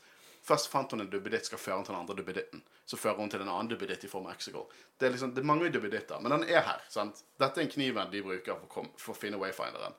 Og det var en lytter som, spurt, som sendte inn at, sa at dette er det han misliker mest med filmen. At hvor usannsynlig er det at Ochi hadde den kniven? Men først denne kniven skal være en del av canon av uni- universet, så ikke, vil jeg si at det er ikke så usannsynlig at Ochi hadde den. Eh, Ochi er blind. Du får se han litt i en flashback. Han ble blind på Exegol med Vader når han så denne Kyber-krystallen. Det var så mye dark power i den at han bare ble blind. Vader klarte selvfølgelig å stå imot det, men han ble blind. Og jeg, det er fullt av Sith-kultister der. Alle har lignende kniver. Eh, det hadde ikke overrasket Det gir mening for meg at en blind Sith-assassin som jobber for Palpatine, hadde hatt noe sånt. Eller fått laget noe sånt. For, for å vite at han på en måte kunne finne denne wayfinderen hvis han trengte det. Sier, ah, liksom, det er en teit filmtrope. Det er det. Det sier jeg ingenting på. Men hvis det skal være en trope, og hvis det er en karakter som skal ha denne kniven, så synes jeg absolutt fullt og helt ærlig at det gir mening at Ochi har denne kniven. Les Beirut-tegneseriene. Det Det understreker hvem Ochi er. For han er en Sith assassin som jobber for Palpatine. Nå, Når du sier, nå har du sagt Sith Assassin ganske mange ganger, men hva vil det si egentlig? Er han Sith og en assassin, eller jakter han på Sith? Eller blir han Ja, Jobber han for The Sith som assassin? Han liksom... følger Sith-religion, rett og slett. Men han er ikke Han Han, er ikke har ikke force Han har powers. ikke force eller, Det hinter litt at han har bitte litt. Han kan sense ting. Men han har ikke The Force, sånn som en, en Sith eller Vader eller en Jedi har The Force. Så han er egentlig bare en, eh, en kultist som Ja, jobber han er en kultist som jobber for Palpatine. Ok. Og han er, er veldig Han er en veldig sånn trist karakter. Han er, han liksom, han er veldig sånn Han tror han er veldig bra, men han er feig og, og litt pinglete. Og han tror han kan banke opp Vader, for Vader ikke hadde Force, og så tar Vader bare knuser han uh, fordi han er motherfuckings Vader. Uh, men det er denne kniven, da, og det er jo dette med C3PO. Eh, kan, kan oversette, han får ikke lov pga. programmeringen hans. Noe, The Old Republic-regler om Sith, og det er en kul liten ting. Selvfølgelig har The Old Republic lagt inn regler om at Sith bare skal bli lagt ned og ikke tenkt på. Eh, men Jeg syns det er veldig morsomt. Hele den sekvensen er de, Du kan si ja, det gir mening, men det, også, det fungerer bra. Spesielt med at det er C3PO som er sånn, fordi han, For en jævel han er. Han, gjør en, han er en god i denne filmen. Altså. Ja, han er dritgod i denne filmen, men den jævel kan oversette det. Liksom, Droider kan bli overbevist om at programmeringen deres er feil. Vi har sett det med AC3, vi har sett det Men det kommer jo kanskje an på hva programmering det er. da. At Ja. det nå noe er så hardcoda inni det at liksom ja, men Husker dere i, i Jeg trodde alle maskiner hadde en reset-button. altså, Nei, droider Vi nesten ha en liten sånn diskusjonsepisode om droider, om de er sentient eller ikke. Kan du jailbreake droider? droid? Det er vel det de gjør i denne filmen. uh, og nå er jo de møter på en sånn slange, Vexis, og det syns jeg er kult. For de viser Force Er det Vexis? Er det navnet på slangen? Det er en det, Det er en rase. Ok. Ja. Eh, og Så det er jeg, ikke sentient slang. Nei. Så, og Ray Booker Four Seal, uh, og det var jo samme uke vi så det i The Mandalorian. Der òg er jo Altså, Four Sealing har vel blitt brukt i Legends, men Ja, og ja. det ble brukt i Cannon òg. Har du ja, Å ja, ja, Hope, ja, faktisk, ja, ja. Men uansett, Four Heal jeg synes det gir en, det, det er en veldig troverdig force power. Mm, men po po poenget jeg vil egentlig fram til, var at det òg fikk jo backslash i, Ja. i Jeg tror faktisk jeg fikk litt mindre på grunn av Mandalorian.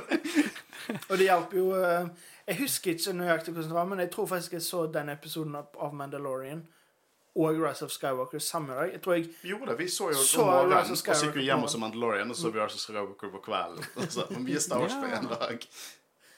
Det var veldig gøy. Når jeg så den Mandalorian-episoden, så var jeg, jeg var liksom som eh, Leonardo DiCaprio i eh, Once Upon a Time in Hollywood. Var sånn rekte på skjermen.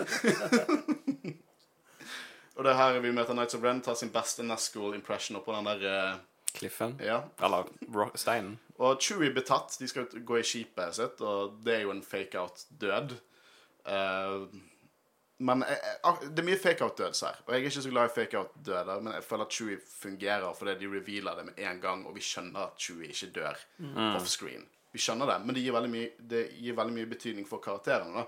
Fordi at nå møter jo Kylo Ren opp. Kan vi bare gi heder for at jeg elsker den sekvensen når Ray tar backflippen og tar av ene vingen. alt. Det er, det, det er nydelig. Det, Helt- det er noe jeg Eh, elsker Når hun står der og gjør seg klar, og du bare merker at hun pumper seg sjøl opp, Ja. og, og Kylo bare Nei, det er konge i, eh, Dødskult. i en Thai Whisperer, som ikke skal blandes med The Thai Silencer, som vi så i Last Jedi. eh, og Kylo prøver å pushe henne, slippe ut til dark side, for å bekrefte at hun er en Palpatine. Han, han tror jo ikke alt denne gale Gollum-mannen eh, på Exegol har fortalt han. Så det er jo her Kanskje mitt største wow-øyeblikk i denne filmen er når hun slapp ut Force Lightning for å dra ned det skipet igjen. Og bare lyden og alt. Hun sprenger jo skipet og tror at, eh, at hun drepte Chewie. Du drepte også veldig mange hjernevaskede barn, da, men eh, Og jeg, det er første gang en good guy har brukt noe så dark side power på, på, på film. Eh, og jeg synes at det er skikkelig, skikkelig konge. Og en annen kritikk som denne filmen får Hvorfor skal ikke hun klare å, å dra i den, den uh, shuttle? Asoka gjør det i uh, Siege of Mandalore. Mange Det- som, det er en shuttle, det er ikke, det er ikke en Star Destroyer, liksom. Come on. Veldig sant. Tenk på alle de andre som var om bord. Men eh, n- når de sikter til at måten hun greier å stoppe et skip og dra det ned, så er på en måte i full gass på vei opp eh, Jeg regner med de kritiserer i forhold til Mary Sue-greiene som jeg gjorde med Ja, men vi har sett den type force power brukt så mange ganger. Ja, så det Ja, det, Og hun er jo helt klart en force catalyst. Hun er en del av noe større. Eh, jeg liker Kylo sitt wow-face. Så det bare sånn Å, shit, jeg forventet ikke det. bare, bare se den scenen igjen. Han er sånn Åh! Eh, og jeg, hun mistet jo helt kontroll. Hun løper jo tilbake igjen til gjengen. Egentlig så jeg for meg en lightsaber-duell der. Bare, Ja. sånn, bare sånn kort Jeg må jo spare det, vet du. Ja, du må spare det, men bare, jeg så, så liksom for meg første gang jeg så filmen at det der kom til å skje noe. Ja, det, det tenkte jeg òg. Og så trodde jeg det var på Tatooine. For det skal være så jævlig mange sandplaneter i dette universet. uh, men nå eh, forteller hun til Finn når de på en måte er i trygghet, at hun så seg sjøl på tronen sammen med Kylo. Uh, og det er jo Elsker det. Hvordan hun strever med alt dette her. Um, og nå får vi med en gang vite at Chewie lever. Og det er helt greit. Hvis de skal først da en fake-out død, ikke la det vare hele jævla filmen. Nei. Så han lever, like han skriker mot, mot Hux. Eh, og uh, på en måte Hux gir Chewie til Pride. Uh, og det er jo her de driver og samler litt krefter. Og de tror jo Chewie er død. Men de må prøve å finne ut den informasjonen, for nå har de mistet sitt daggeren. Så de må prøve å få den informasjonen ut av C-Tripio, men så de må slette minnet hans da hos en black market droid Smith. Eh, jeg liker den lille på Kijimi, og så liker jeg den lille scenen når alle skal holde hendene sammen. Og så kommer C-Tripio og skal holde hendene med dem, og så ser du bare på Poe at han synes at det er så jævla stupid. uh, og Nightbuster de tar en Slave One, skjuler seg blant asteroidene og følger etter. Uh, vi får som heter Dio. Uh, ikke bland med Dio for Battlefront-spillet. Dette er DO, og ikke Dio. Det er flere Dio. Eh, og det stemmer til JJ Abrams. Og alt jeg har å si om Dio, er at jeg har nok søte droider. Jeg, eh, jeg trenger ikke mer søte droider. Eh, stakkars Dio eh, og, eh, og den droiden fra Jedi Fallen Order som jeg allerede har glemt. Fordi at de kom ut samme år som Baby Yoda ble introdusert. Hadde ikke sjans. Skjedde ikke. Ikke noe sånn der eh, no thank you. Sånn happy Nei, nei. Vi har Grogu. Ingen av de søte vesenene som kom ut i 2019, hadde en sjanse på Grogu. Uh, og vi kommer til Koji, uh, Kijimi. First Order okkupasjon. Hva er det å si? Vi møter Sorry Bliss. Uh, og jeg liker Sorry. Vi får en sånn badass bounty hunter, gråsonet good guy i kul rustning. Hva, er det, hva er det å si, liksom? Men hva er det hun heter? For hun er en kjent uh, Kjent skuespiller. Carrie Russell. Ja. Ja, hun har spilt i noen filmer med Abrams. Og, og eh, Poe viser seg på at en spice smuggler har jobbet i You were a spice smuggler? Ja, You were Stormtrooper? Oh, Dameron, Spice Smuggler. ja, sant? You were scavenger? Smuggler of Spice. Og jeg, jeg elsker det når han snur seg bare sånn You were Stormtrooper? Det You were er jo- scavenger? Altså, det det du klaget på i sted med tanke på um, kritikken rundt han på en måte greier å tukle med et skip, det er jo alt, alt dette bygger jo opp mot dette. Og en, en annen kritikk denne filmen fikk da når, når dette kom fram, var sånn Det gir ikke mening, for han var liksom i The New Republic Academy før han ble Made of Resistance, eller Flight Academy. Og sånn, Man vet at eh, I mitt liv, sant Nå jobber jeg, eh, og så før så studerte jeg. Men hvis noen hadde sagt til deg at før det så var jeg russ Skjønner dere hvor jeg prøver å gå her? Ja. Man kan gjøre flere ting i sitt liv enn å kun bare tilbringe hele livet sitt på Flight Academy. Og det viser seg når det kom fram, at de ga en Poe-timeline. At når han var veldig ung, tenåring, tidlig voksen, rømte han hjemmefra, joinet smuglere og Spice Runners på Kijimi, joinet The Flight, New Republic Flight Academy, joinet The Resistance. Liksom, flere ting kan skje. Det er mye å ta tak mye å kritisere denne filmen på. Dette er ikke en av dem. Og jeg liker det òg. Det er alltid kjekt å få mer backstory, og det Jeg, sy- jeg syns det er litt sånn teit eh, når folk liksom kritiserer backstory. Ja. Det, nå var jo det der fordi at folk følte det gikk imot canon. Og det er ting som på en måte ble veldig retconnet i den filmen, men dette føler jeg ikke er en av det. Det er plass til mer ting som har skjedd med karakterer, enn den ene tingen som har blitt liksom definert. Du Og selve den scenen eh, når på en måte Ray tar ut alle Story sine uh, styrker og he- putter den i bakken, det syns jeg er en veldig kul sekvens. og de sier de liker hverandre, liksom. Ja, ja, ja, Ray er bare god. Uh, nå har jo de Nice of Ren i hele, og vi får en barscenen med John Williams. Uh, og det er fullt av små referanser til andre filmene. Du ser Time Turner fra Harry Potter. Du ser de her barrelsene fra Jaws bare gjort til sånn Star Wars-prop. Kjempekult. Og Er det noe fra Schindlers lister? Eller ville det de, vært kanskje de har tatt inn så sinnssykt mye forskjellig. Så jeg hadde ikke overrasket meg om det var noe fra Schindlers lister. Uh, og det er kult at han får en, en, en, en skikkelig solid cameo. Sånn du ser det er han. Eh, vi ser også mange aliens der, og det er kun én av de jeg har lyst til å snakke om. Rotgar Deng. Rotgar Deng det er han fyren som har et skallet, sånn glisende fjes oppå en rustning. Og vi får vite at han, han det er et alias. Han er en Corillian bounty hunter som har blitt gammel, så han har prøvd å erstatte delene sine med cybernetics, og så har han gått litt amok, så han har sånn creepy smil. Det er Dengar. Det er Dengar. Dere vet Dengar? Simon Pegg sin karakter i Clone Wars. Dengar! Sant? Rothgar Deng. Gøy. Og der får Babu Frick, og vi fikk eh, Magnus. Hei, Magnus. Du er jo i studentradioen. Og du skrev noe til oss. Jeg skal bare gi han et enkelt svar på dette. Dette trenger ikke vi å diskutere. Han skriver Vær så snill å snakke om Babu Frick, en mye mer vellykket Star Wars-cutie enn det monsteret Baby Yoda. Magnus, jeg vil høre din definisjon av vellykket. Kan vi gå videre? og Babu Frick. Skal vi snakke om Babu Frick? For jeg elsker Babu Frick. Spilt av hun som eh, var stemmen til Moaning Myrtle i, i Harry Potter. Ja, Bobby Frick er en uh, kongekarakter. Akkurat passe lengde òg. Altså, Mm, hvis han hadde vært plass. Hadde han tatt mer plass, kanskje litt sånn Ja, da hadde det ikke vært så bra, men eh, jeg syns han, han er bare gøy. Ja, alle disse scenene med Master Trooper syns jeg bare er helt konge. Eh, Droid går blank blank. Og, og vi kan faktisk alle takke Steven Spielberg for at han er i live i uh, hele filmen. For at uh, originalt så skulle ikke han Han skulle bli sprengt opp med Kijimi. Bobby Frick? Ja. og var, Så- det var hans Spiel- input. For, Spiel, ja, for Spielberg spurte liksom eh, OK, men hvor er Bobby Frick, da? Og, For han dukka opp igjen. så, så, så, så, så bestemte Jeg vet ikke hvem som bestemte seg for det, men de endret på det. Han overlevde likevel. Så Steven Spielberg, du reddet Bobby Frick. Ja, takk og lov. Men um, jeg, noe jeg syns var Noe jeg lo aller mest av når jeg så filmen på ny nå, noe som jeg bare syns var helt fantastisk. Og jeg er veldig nysgjerrig på om det faktisk var noe. Men rett før de wipa minnet til C3PO, så sier han liksom bare Å, forresten! Jeg kom på noe annet vi kunne gjøre! det, det var tidenes øyeblikk med C3PO. Uh, tror du det faktisk er noe han kunne gjøre? Nei. Bare innså han nettopp at han egentlig hadde Eller det er kunne- veldig viktig hvis det var noe der. Uh, når våkner, jeg liker også den scenen han sier 'One last look at my friends'. Det er et fint, koselig øyeblikk. Når han våkner opp igjen med røde øyne det er sånn The, the wayfinder is found at the Imperial Vaults. og så sier han akkurat hvor man, man finner det, koordinater. da. Eh, og så mister han hukommelsen sin. Han, først han møter, er Babu Frick. Og please to meet you.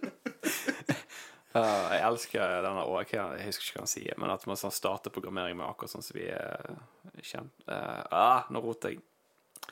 My name is C3PO, Cyber yeah, Atlant eh, human Relations. cyber det, det, det, det, liksom Bare det der quotet der syns jeg er døds... Pleased to meet you. Ja. Oh, my first laser fight! og senere Babu Frick, my oldest friend. ja, det er det beste. Ja. Uh, nå er det Paul Dameron og Sorry Bliss snakker litt uh, om hyperlanes. Det eneste jeg synes er litt interessant, egentlig her de snakker om hyperlanes hver gang de bare understreker hvordan hyperspace fungerer, så setter jeg pris på det. Og hun har en ny duppeditt, en First Order Officer Medallion, som bare han får. Um, og vi får litt av det at ingen kom når de ba om hjelp på Crate, og litt der. Det er veldig, veldig sånn Hvorfor i helvete Hva er det? Kan denne medaljongen for noe? Og kunne ikke de funnet på noe annet enn en ny duppeditt for å komme seg opp på Star Destroyeren til Kylo Ren? Come on! En ny en. Hvor mange av de er det i denne filmen? Tre. Tre i denne filmen. uh, det, det sier litt når den eneste tingen sånn, folk, fans, har lyst på, er Wayfinderen. Folk har ikke, det, virker ikke, det er ingen som lager Det er ikke så mange som lager disse Sith-daggerne. Jeg, vel- jeg tviler sterkt på at det er noen som lager en First Order-medaljen som fan laget, som du kan kjøpe på Etsy. Folk lager Wayfinderne. Jeg har litt lyst på en Wayfinder, for de ser kule ut, men kom an, det får mye duppeditter. Um, og det er noe at uh, Ray sier til Finn at hun husker Ochi sitt skip og forteller litt alt det hun har eh, på innsiden da han har gjort noe, da. Eh, men eh, Ren dukker opp, og da senser hun med en gang at Chewie lever. Og det liker jeg. Det er ikke noe sånn der eh, Men hun bare senser det. Hun, nå er Chewie der. Det er sikkert et stort savn i hun hele tiden mens Chewie er vekke. Og, og eh, de skal dra dem opp til Star Destroyeren for å redde Chewie og finne den kniven. Og jeg eh, Her løper de gjennom gangene, da. Dreper hjernevaskede barn og har det gøy. Hvorfor kan Det burde vært et plot point. Det, vært Det burde det. Og jeg la ekstra godt merke til det nå, etter å ha sett Bad Batch, fordi selvfølgelig et par scener uh, her og der der de bruker live ammo, men stort sett gjennom hele serien, selv etter de fant ut at det ikke lenger var clones, men at det var blitt sånne TK Troopers, så bruker de stun eh, blasts.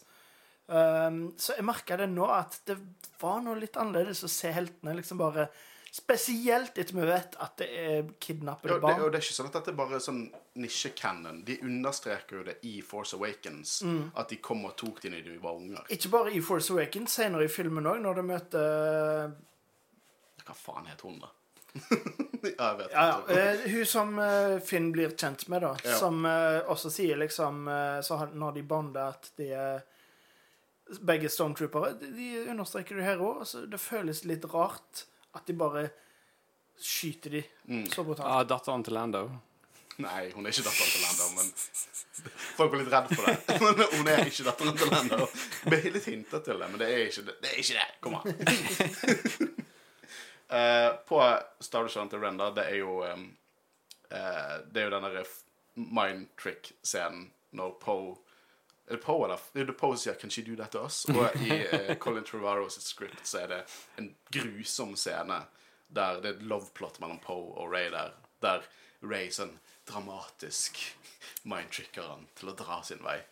Og så understreker jo Star Wars-sagaen på at det fungerer kun på the weak-minded, og at det er en helt jævlig ting å gjøre. Sånn I The High Republic så blir det sett litt på som en sånn gråting å gjøre. Liksom, det er nesten litt dark side power. Det fucker opp hodet til den personen, og så hele og det, I det skriptet så bare behandler de det som et romantisk, dramatisk øyeblikk, og det er bare stupid. det er første, ut, det første utkastet. Jeg skal la det ligge. Um, det er her Det Det Altså- er her de redder Chewie. Nei, ja, og nei, når sorry. blir tatt, den liker den lille rumlingen. Jewel gjør en sånn liten rumling. Sånn. Ja, ja, ja, stemmer. Og det her er en awesome lightsaber-duell. For det er Kylo versus Ray på to forskjellige steder. Hun er på hans rom i Star Wars-døren, han er nede på gaten i Kijimi. Og eh, det er bare dritfett. Bare ha, de har en lightsaber-duell på to forskjellige steder, og ting faller ut på forskjellige steder. Sånn Hjelmen til Vader lander på Kishimi, og noen sånne røde bønner eller whatever du lander inn på. Det, det er bare dritfett. Kule farger. Det er bare kjempekult. Eh, og det viser egentlig bare det at Kylo prøver å liksom fortelle om hvem foreldrene er, og sier litt lite overbevisende. Sånn, når jeg sa de var ingen eh, i forrige film, så mente jeg det. For de valgte å være ingen. Hva faen betyr det, Kylo? Hvem velger å være ingen? Husker du den dialogen i uh, Nei, du har ikke lov til å trekke det opp. manuset til uh, Colin Trow, der uh, på en måte ja. hun og Kylo står hverandre, og så sier Kylo at hun er no one, og så sier Ray det- det- Dette er noe jeg føler kunne blitt skrevet av George Lucas. No one is no one. That's a, that's a good line. Den, den, dialogen i den scenen der er helt håpløs. ja, faen. Eh, og det er jo her Kylo prøver å fortelle hvem foreldrene var, og flashback til foreldrene. Du ser at foreldrene ble drept av Ochi, og det er jo klonen til Palpatine som er faren, og hun ble etterlatt på Jakku. Eh, og eh, jeg har jo snakket om det. Faren var en Strandcast, klone av Palpatine, får smak for å holde inne The Power, sendt ut, lite eksperiment. Ray, Force Catalyst. Eh, og eh, det ble jo vist her Nå sier jo at du er en Palpatine. Eh, og Kylo Ray de er en Force Dyad. To Force-brukere som er såpass knyttet at de så å si relativt til The Force er én person. Og det som er interessant, er at vi får se runer på Exegon i bakgrunnen. SIS-språk, samme type språk som er på kniven, Men- som snakker om the rule of two. Og det spesifikt er en sammenkobling mellom rule of two og Force diet.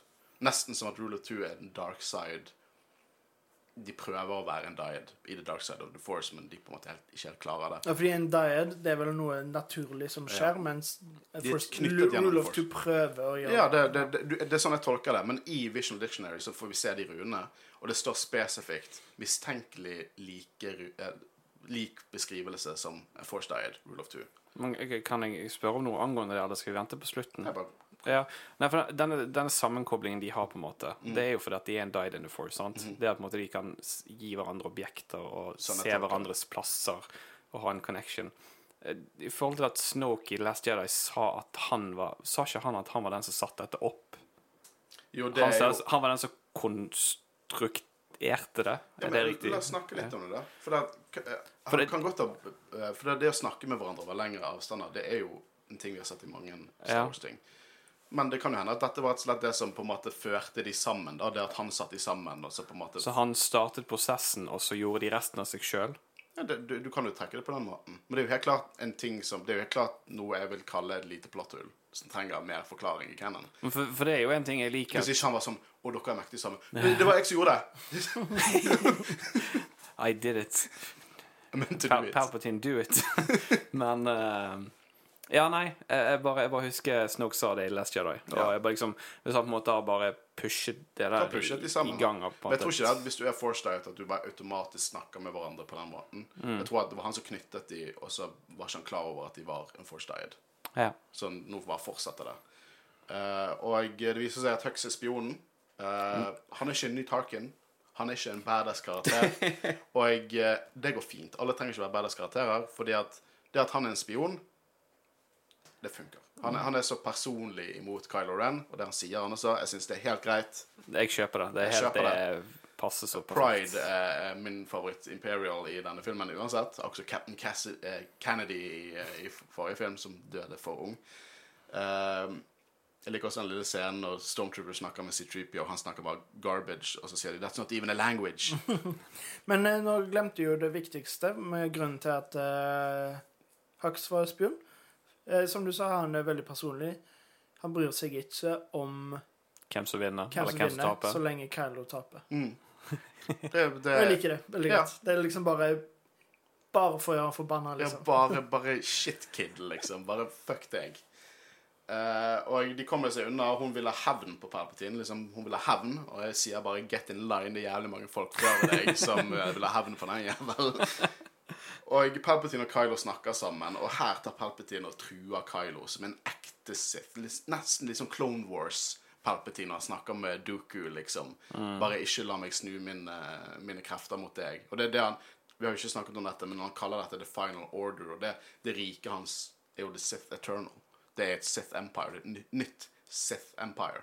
Og det Jeg er hadde, kult. jeg hadde fått mer chills hvis han hadde sagt det istedenfor The Final Order. Ja, men det, det, jeg vet, De sier vel ikke Sith Eternal i Men det er det som er på en måte canon-navnet Ja. til Palpatine sin, sin styrke nå, The Sith Eternal. Ja. Med alle disse Sith-kultistene som har brukt flere tiår på å bygge opp denne armadaen i mørket. Som bare følger fanatisk Palpatine-stance. Uh, og vi kommer til uh, Kef Bir, for det, at det blir fortalt at denne Wayfinderen ligger på en av månene til Endor. Og det er ikke Endor-månen vi så i uh, Return of the Jedi, det er Kef Bir, eh, som er i samme system. Uh, og her får vi se Death Star 2, og jeg liker hvordan de sier Og det, det liksom er bad place from the old war. Jeg bare, kjempekult. Jeg, jeg, det er veldig fanservice i. Det er konsepter fra Force Awakens som at de driver og svømmer under havet til Death Star 2. Og Så Millennium Falcon eh, var det fortsatt ikke skikkelig reparert etter starten her fra forrige scene, eller var det bare at de gikk tom for drivstoff? Ja, for de, krasj, de krasjlander litt, gjør ikke? Ja. Jeg tror de sa noe om at det var noe galt med landingssystemet. Ah, okay. Ja. Altså liksom Det er ikke hjul, men de der de, Ja, ja, ja. Det var et eller annet det, sånt. det, det, var, det var litt mer enn en pønn mot meg sjøl. Jeg skjønte det, men jeg, bare, jeg, jeg tror det ble nevnt så vidt at liksom Å ja, landingssystemene funker ikke. Hvorfor det? Nei, Ja. fordi vi må krasje. Ja. Det er liksom Ja. Eh, men la oss snakke litt om, eh, om denne kniven. da. Only displayed tells. For det, Ray går ut til klippen, og så tar hun opp kniven, og only displayed tells tar hun ut en sånn liten linjal ting, og så matcher hun det opp mot det vraket i Death Star, og der finner du ut hvor du finner wayfinderen. Eh, en teit duppeditt, men til dens forsvar det var eksakte koordinater. Men det er fortsatt litt teit. Det er fortsatt veldig teit. Sorry, det er fortsatt veldig teit. Det er ganske teit. Det er kjempeteit. Uh, det er De, de burde De burde de kunne Men bare Ray har the force, og hun visste nøyaktig hvor hun skulle plasseres, vet du, så det Ja, men, Jeg, du, kunne du heller kjøpt på en måte at eh, de visste hvor de skulle med å finne en koordinator, sett ikke fra den ja, bare, hvis det bare Ja, altså, koordinater på måte hadde Ray på en måte gjennom sin uh, force på en måte Sid Rammoten greid å finne en connection og funnet ut hvor hun Ja. skulle. Mm. Det hadde jo vært en vil jo anta at sånne Sith du Wayfinders er ganske kraftige i the force. Ja, Så og det- sense det mørke, liksom. Ja. Ja. Mye så, bedre. Ja. Og, du For kunne du og da kunne du fått noen kule flashbacks. Du kunne fått Palpatine Noen flashbacks, at hun ser sånn flashbacks av Palpatine som legger den der, og, sånt, og så kommer hun tilbake og så følger hun fotsporene. Bare på en måte at OK, vi skal der, og hun på en måte føler nøyaktig hva rom hun skal i. Og så, vi ser jo det på en måte når hun kommer til tronerommet, at døren åpner av seg sjøl. Mm. Ja, jeg, jeg syns det var bedre. Men det, er- ok, det er en blind Sith Assassin som har laget en veldig bokstavelig måte å finne den på. OK. Greit.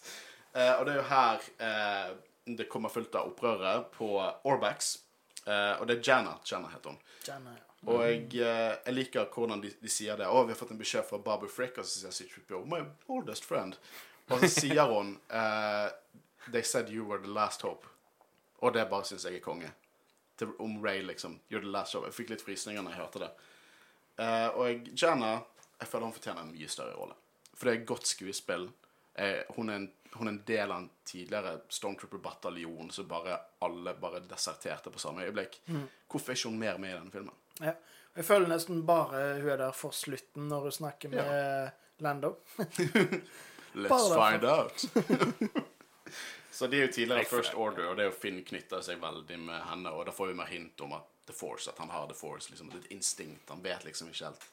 På samme måte som jeg føler at hun burde fått litt mer ut av filmen, så føler jeg jo òg at Rose burde vært her. Med Finn. Ja, men det, jeg skjønner For det, det, her, Jeg liker Rose, jeg. her har Abrams gjort en litt teilt vri på hennes karakter, Mm. syns jeg. Ja, det, det, det er så jævla fansitting. Ja, Det litt altså, alle, alle disse nettrollene. Ja, Fuck de. Ja, bullshit. Uh, og de teaser jo et fucking Stormtrooper-opera her. De fuckings teaser det, og så skjer det ikke. God damn it. Men De Ray har ser jo på en måte, da, fordi de, alle er jo en tidligere Stormtroopers som slåss mot Sith-trooperne, er det det Ja. heter. Men de har bare ikke draktene på seg, så det er jo på en måte litt det, da. Ja, men jeg vil, jeg vil se, liksom, jeg vil, Siste gang vi ser Stormtroopers i liksom sagafilmene så kronologisk, så vil jeg se First Order Stormtroopers kjempe for the good guys mot Sith Troopers. De introduserer jo en ny trooper som er rød, for at vi bedre kan finne ut hvem som er good guys og bad guys. det hadde vært eh, Ja, når du sier det sånn, det hadde vært skikkelig kult. Ja, jeg, jeg synes det. Men Ray hun har dårlig tid, så hun drar over vannet alene. Eh, og jeg, eh, nå blir jo liksom Det er litt konflikt mellom Poe og Finn her. Finn sier at han og Leia vet liksom hva Ray går gjennom. Og jeg lurer på om Ja, fordi ja, for at han har The Force. Det er Jeg føler Jeg, jeg syns fortsatt det er forbanna teit, måten han liksom sa Å, før vi dør, jeg må si deg noe. Men allikevel så føler jeg det blir på en måte sagt med måten det han snakker med Janna på, og på, at liksom Ja, han i det minste force sensitive. ja. Men vi vet jo det i Cannon at han ble trent opp som Jedi etterpå. Det så jo vi i Lego Holiday Special-filmen, som er halvveis canon. Men det, akkurat den delen eh, er canon. Eh, men eh, som, når, liksom, som når vi møtte Ray, klatret gjennom en gammel Star Destroyer, så ser vi når hun klatrer gjennom vraket av Death Star. Det er konge. Musikken der, du ser vrak av gamle Star, eh, TIE Fighters. Du ser TK Stormtroopers, hjelmer liksom ligge på bakken. Eh, gå inn i tronerommet med Palpatine sin trone, og, og du hører musikken. Det er skikkelig fanservice. Og I fucking love it. Jeg digger det. Sorry. Der sa jeg digger det igjen. gjerne prøver å si det mindre nå, for det er tegneserieligaen driver med på meg. Men du her, Ray får en liten Force Vision om, av seg sjøl som dark side, med en fet double-bladed lightsaber som sånn hengsler ut. Uh, og så syns jeg det er litt teit at hun har sånn skarpe tenner, men uh, ja, ja. Jeg ser bare for meg Dark Side Ray bare sitter med en fil og skarper opp tennene sine. Uh, og jeg vil se mer, jeg ville sett mer av dette. Jeg vil ha mer dialog, liksom. Mer, for det, det skjer så jævlig fort. Uh, det er blink, og så går du glipp av hele driten. Eh, man finner Palpatine sin Wayfinder, da, men Kylo har jo fulgt etter. Og nå får vi litt innblikk av Kylo. For det, nå er vi, vi er ferdig med den første filmen nå. Som, som, som JJ ville lage. Den sluttet på Kijimi. Det, det var der den filmen sluttet. Og så fortsetter den her. For det, nå, nå er Kylo ferdig med å være peak dark side. Nå er han mer sånn mot Ben Solo. Men den scenen når Ray møter seg sjøl, er det på en, måte, på en måte en slags sammenligning med den scenen når Luke møter Vader i den hulen? At på de møter sin indre frykt, men hun vet ennå ikke hvem hun møter, derfor ser hun seg sjøl? Ja, jeg, nei, jeg tror bare jeg, jeg, Du ser hun, Luke så jo seg sjøl som Vader. Og Ja, ja. for eksempel Yoda så jo på Når han i Clone Wars Han slåss jo mot sin frykt, liksom. Sin darkness. Jeg tror det er en veldig sånn dark side cave, basically. Ja. Han, hun ser sin eventuelle framtid. Mm. Liksom seg sjøl. Og den framtiden, the dark side, rett og slett. Du, du kan spekulere om det er The Wayfinder som snakker til henne, for det må jo være en dark side-objekt. Ja. Bare sånn, ikke vær redd for dette. Bare gå inn i dette. her. Det går kjempebra. Men Kylo har fått med for innblikk i hvordan han har det. Og eh, i Rise of Kylo Ren så får du vite det. Han sier til og med at the light side og the dark side begge claimet han ved fødsel. Han hadde ikke noe valg. Og du får litt vite det nå. Sånn. Han tror at det er hans natur. At han bare Han måtte gå dark side. Han ble på en måte nesten tvunget den veien, for det var ikke noe andre valg for han. Og eh, det er ikke sikkert han ville gå den veien heller. Og han sier du, ikke, du kan ikke turn back. Og hun er der nå, sant. Og eh, hun må bare liksom følge han. Det er sånn de skal være nå. Og det, du får på en måte Når du har lest Rise of Kylo Ren, så gir denne scenen bare mye mer dybde, syns jeg. Og Den er fortsatt en dyp scene, men nå ødelegger han Wayfinderen og sier den eneste måten du kommer deg til Execol, er gjennom meg. Og her får vi en dritfet kamp, egentlig, med lite musikk. Det, det er bare bølgene og lightsaberne. Jeg elsker hvordan når de slår mot hverandre, så tar Kylo og bare sånn holder strålen vekk, og bladet på en måte nesten bøyer seg litt. Ja, denne uh, jeg syns dette er en av de kuleste lightsaber-duellene i hele sagaen. Ja. Uh, det er bare Ja, det er kjempekult koreografert, men da er på en måte Måten Kylo oppfører seg på, for det er så tydelig at han er så mye sterkere enn Ray. Sånn som i begynnelsen, uh, når eh, Ray tar fram lightsaberen, så holder altså, Kylo gjør ingenting. Han bare dodger det og, uten å bruke lightsaberen. Jeg er helt sikker på at grunnen til at han tar fram lightsaberen, er fordi at han det ene slaget han faktisk ikke klarer å dodge, og da tar han den opp. for Ja. liksom Og så som du sa, når han bruker The Force til ja, Han hadde ikke trengt det. Han bare show off og liksom bare viser at han er sterk. Det er en kjempekul scene. Du ser Ray liksom har vondt i hånden. Ja. Det, jeg syns det er helt konge. Hele den der eh, lightsaber-duellen òg føler Altså, når jeg ser han, så føler jeg òg at jeg på en måte ser eh, Mustafar, Obi-Wan Kenobi og Anakin. Måte, vi er på to forskjellige planeten, men jeg føler det er en parallell med høye vannbølger, og på en måte at de er på en smal plattform hele tiden. Jeg, får liksom en connection der. Og det er jo det, så passende òg, fordi i, eh, på Mustafar så det er jo der Anakin Eller vil jeg vel kanskje si at Anakin blir Vader når han dreper younglings, men det er på en måte der han virkelig Ja. blir Vader. Og så her blir han uh, Kylo han blir Ben igjen. ja. Ja. Så det er ja, Konge. Altså flammer versus vann. Det. Ja, Nydelig. det, uh, og han hadde jo drept Ray. Han hadde drept Ray hvis ikke det var for at Leia For Leia skal bruke liksom senser at hun er døende og skal bruke sitt siste liksom siste spark for å nå ut til sin sønn. Og det er jo her hun klarer det, og dør. Men han senser liksom morens kjærlighet, kan jeg si det. Og jeg stopper opp, og Ray, veldig aggressivt, tar liksom nådestøtet mot han da. Hvis ikke var for Leia, så hadde Ray blitt drept der, tror jeg.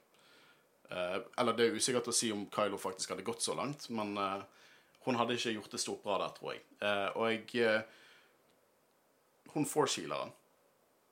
Ja, fordi når du sa nådestøtet, det var da bokstavelig talt han blir spidda med lightsaber og er døende. Ja.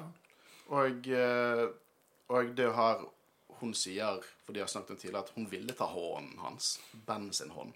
Og så stikker hun og stjeler Ty Whisperen hans! Hva faen? Uh, jeg syns det er veldig gøy å se behind the scenes uh, på dette, denne scenen her, For at alle bare åh, det vannet var helt jævlig, det var iskaldt og helt grusomt. Og så kommer Adam Driver. Ja, vi spilte inn på bursdagen min, det var jævlig konge. Jeg elsket det.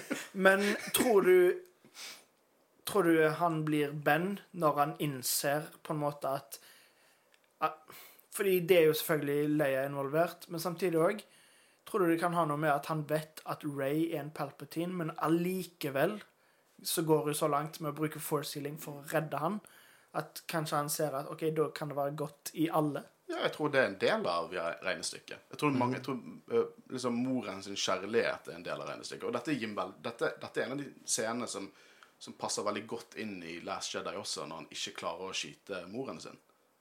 Sånn, dette er en av de scenene som matcher veldig godt med den filmen. Og, for at, ja, Den største kritikken er at det ikke er så god kontinuitet, men det, det betyr at det ikke er, er noe kontinuitet der. Det er noen temaer som går videre. Uh, nå har vi en annen ting du tok det opp nå, uh, apropos dette her med, med at hun er en Palpatine. Vi bare, jeg, jeg er ikke positiv nå, at jeg bare glemmer å kritisere filmen. Hva synes dere om at hun var, var en Palpatine? At hun ikke er ingen?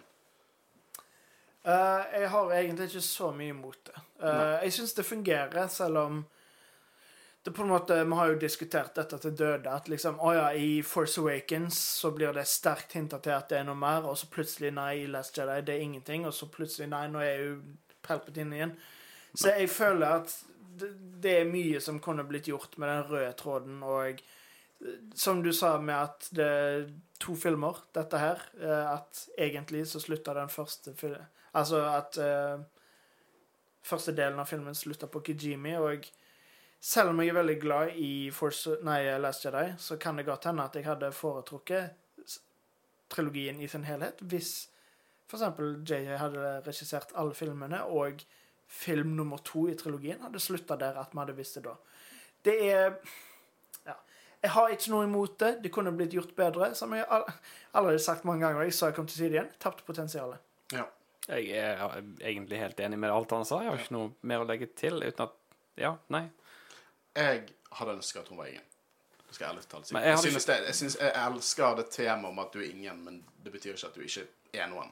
Men da må jeg bare spørre deg. Altså, jeg hadde ikke hatt noe imot at du var ingen, men jeg òg hadde hatt alt det Håvard sa. Men hva syns du om etternavnet i manuset til Colin Trubber?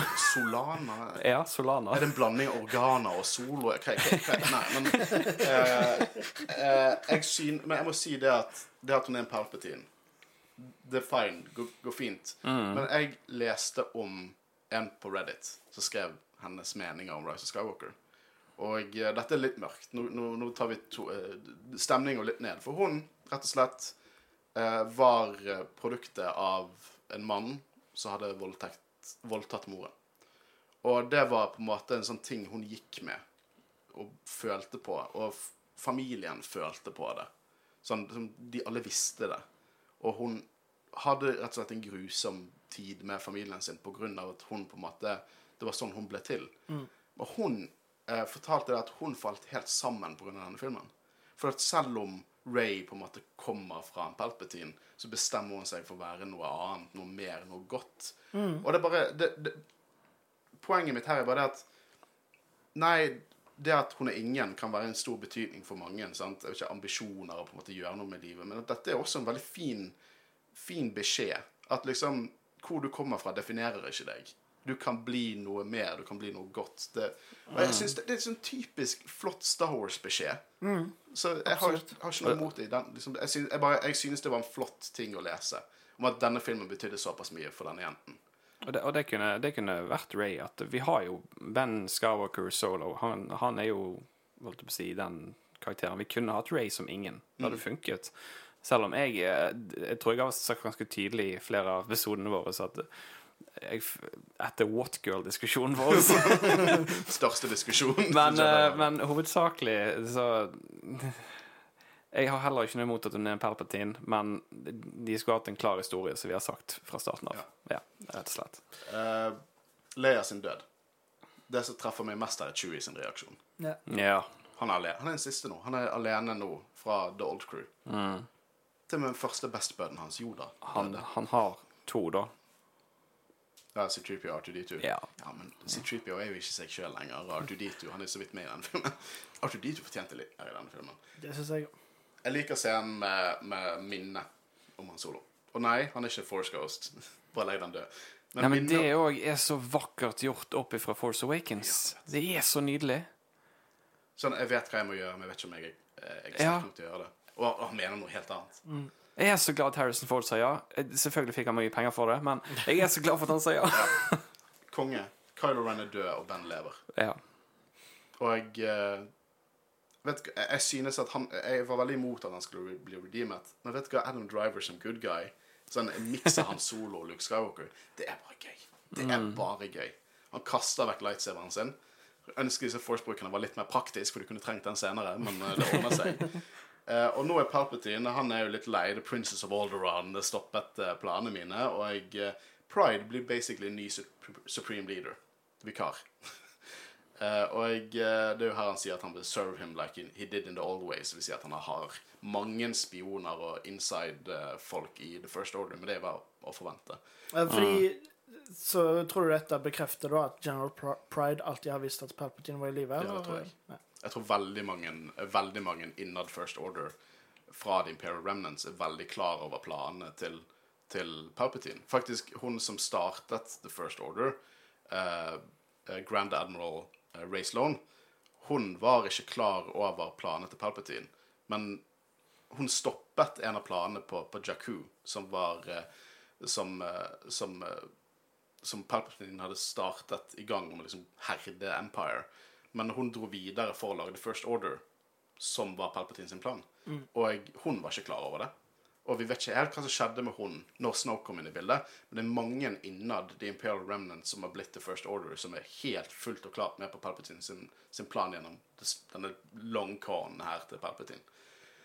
Uh, de Kijimi med en av de nye Star Destroyerne, som er supervåpen. som er litt sånn goofy at alle har supervåpen. Men helt ærlig, det hjelper litt å lese en Vader-tegneserien. At de har på en måte blødd et fjell av Kyber og tatt det inn i alle Star Destroyerne. Eh, eksplosjonen ser dritbra ut. Det ser praktisk ut. Tror han var det. Det ser nesten praktisk ut. ja, det ser, som, eh, det ser akkurat ut som det gjorde i uh, A New Hope, bare bedre Altså bedre bruk av eh, moderne effekter. Mm. Så det så kjempekult ut. Og jeg, det satt jeg igjen med når jeg så filmen på ny, at det er så mye bruk av praktiske effekter. Det, det er en nydelig film. Ja, det er det. Ingenting å si på det. uansett om det kunne vært annerledes, så er det en nydelig film, og det er så mye bruk av praktiske sett og praktiske effekter. Så det jo hjalp litt med det jeg sa tidligere, at jeg bare så for meg at det var på 80-tallet. For det, selvfølgelig, det ser mye bedre ut nå, men mye av effektene kunne også blitt lagt som en gammel film. Ja. Så jeg bare Ja, jeg, jeg gikk inn for å like den, og uh, mye av det ja, det samme, jeg. jeg visuelle gjorde det enklere å like den. Av, og til er det, det, av og til er det gøyere å velge å like, og av og til kan det være et valg. Jeg har sagt det før. Eh, det er på en måte viktig å være kritisk, og det er helt greit å på en måte ikke like det, men av og til så kan du på en måte bare sette deg ned og så prøve å se det som er, som er godt i det. da. Eh, og det er mye å ta tak i som er godt der. Og, uh, Og, og eh, på enden av dagen så er det en film. Det er en Ja. Mm. Star Wars-film, og det er liksom mm. trenger ikke det det det. Det er ikke politikk. Det er ikke en brannkamp. Oi, forsiktig. Ja, men vi skal fortsette vårt nachspiel her nå, vi. Uh, så Poe er general nå, eh, og jeg liker den lille pep-talken han har med, med Lando. Eh, og jeg husker noen av de tidligste episodene våre her med opprørere som bare blir generaler pga. trynefaktor. Og det er basically det som skjedde her, når, når Finn ble bare gjort general. Ja, ja. General. Everyone, er general. Everyone can be general. Eh, men den scenen, forresten, som på en måte Poe sitter med Leia, som på en måte er en farvelscene mellom de to, siden de har hatt et veldig stort bånd Hun har på en måte preppet han til å bli en general. Eh, den er pitchet av Oscar Isaac. Den var ikke originalt i filmen. Oh, ja. Men det, det gir veldig mening. Ja, han, han, han ga, pitchet han til Abrams, og Abrams likte det, og det ble en del av filmen. Ja, men det, jeg, jeg liker det. Selvfølgelig må han bli general. Det, liksom, det, det føles som passende konklusjon til hans storyline. Ja, bare det at han på en måte fikk en farvelscene med Leia, og følte jeg var passende. Ja. Eh, nå blir det Dio eh, har jo noe informasjon, og Ochi var ute etter Ray, fant de ut, og bla, bla, bla. Eh, og her får vi Ray på akt 2. Og dette er masse scener som du bare svetter dyrisk av, vil jeg tro, Christian. Husker du vi så den, så snudde jeg meg til deg. Jeg så ikke scenen første gang jeg så filmen. Jeg bare så på deg og gliste. uh, og jeg, her er det også en, en punkt som mange sier går imot The Last Jedi. Men da sorry, men da har ikke du helt tenkt over hva Luke lærer. For Luke lærer noe i Last Jedi. De får den karakteren til å lære noe. Og han sier han tok feil, noe som hele Last Jedi uh, handler om. Om å ta feil. Også blant de som kan mye, kan ta feil, og du må lære av feilene. Og her har han lært av feilet, så kommer i helvete matcher ikke dette med det Luke var i Last Jedi. Det, det, det, bare tenk på det. For det er jo det at hun drar mot Last Jedi Mot Last Jedi, mot Akto. Og jeg skal basically gjøre det som Luke gjorde. Bare gå i eksil, holde seg utenfor. Hun vil ikke bare Livredd for å gå til dark side, livredd for å gjøre noe som bare fucker opp ting mer. Eh, og ja, jeg føler det er noen jabs mot Last Jedi her. Sånn som da Luke tar imot lightsaberen og sier sånn Ikke disrespect lightsaberen! Jepp. Så Ray er jo redd for seg sjøl, og Luke og Leia visste hvem hun var, men på en måte støttet henne for det om. Og uh, det kan jo også gi litt mer innsikt i på en måte hva, hva Luke sier, da. Eh, om på en måte Ray sin power i Last Jedi. At det kanskje er noe mer til det. Tror, at- tror, dere at på en måte, før Luke dukket opp der, så var det sånn her eh, Spirit, sit, eh, Spirit Jedi meeting? OK, Luke, go and give her a pep talk. Det kan godt hende. Bare sånn faen meg nedover fysisk nå. Helvete.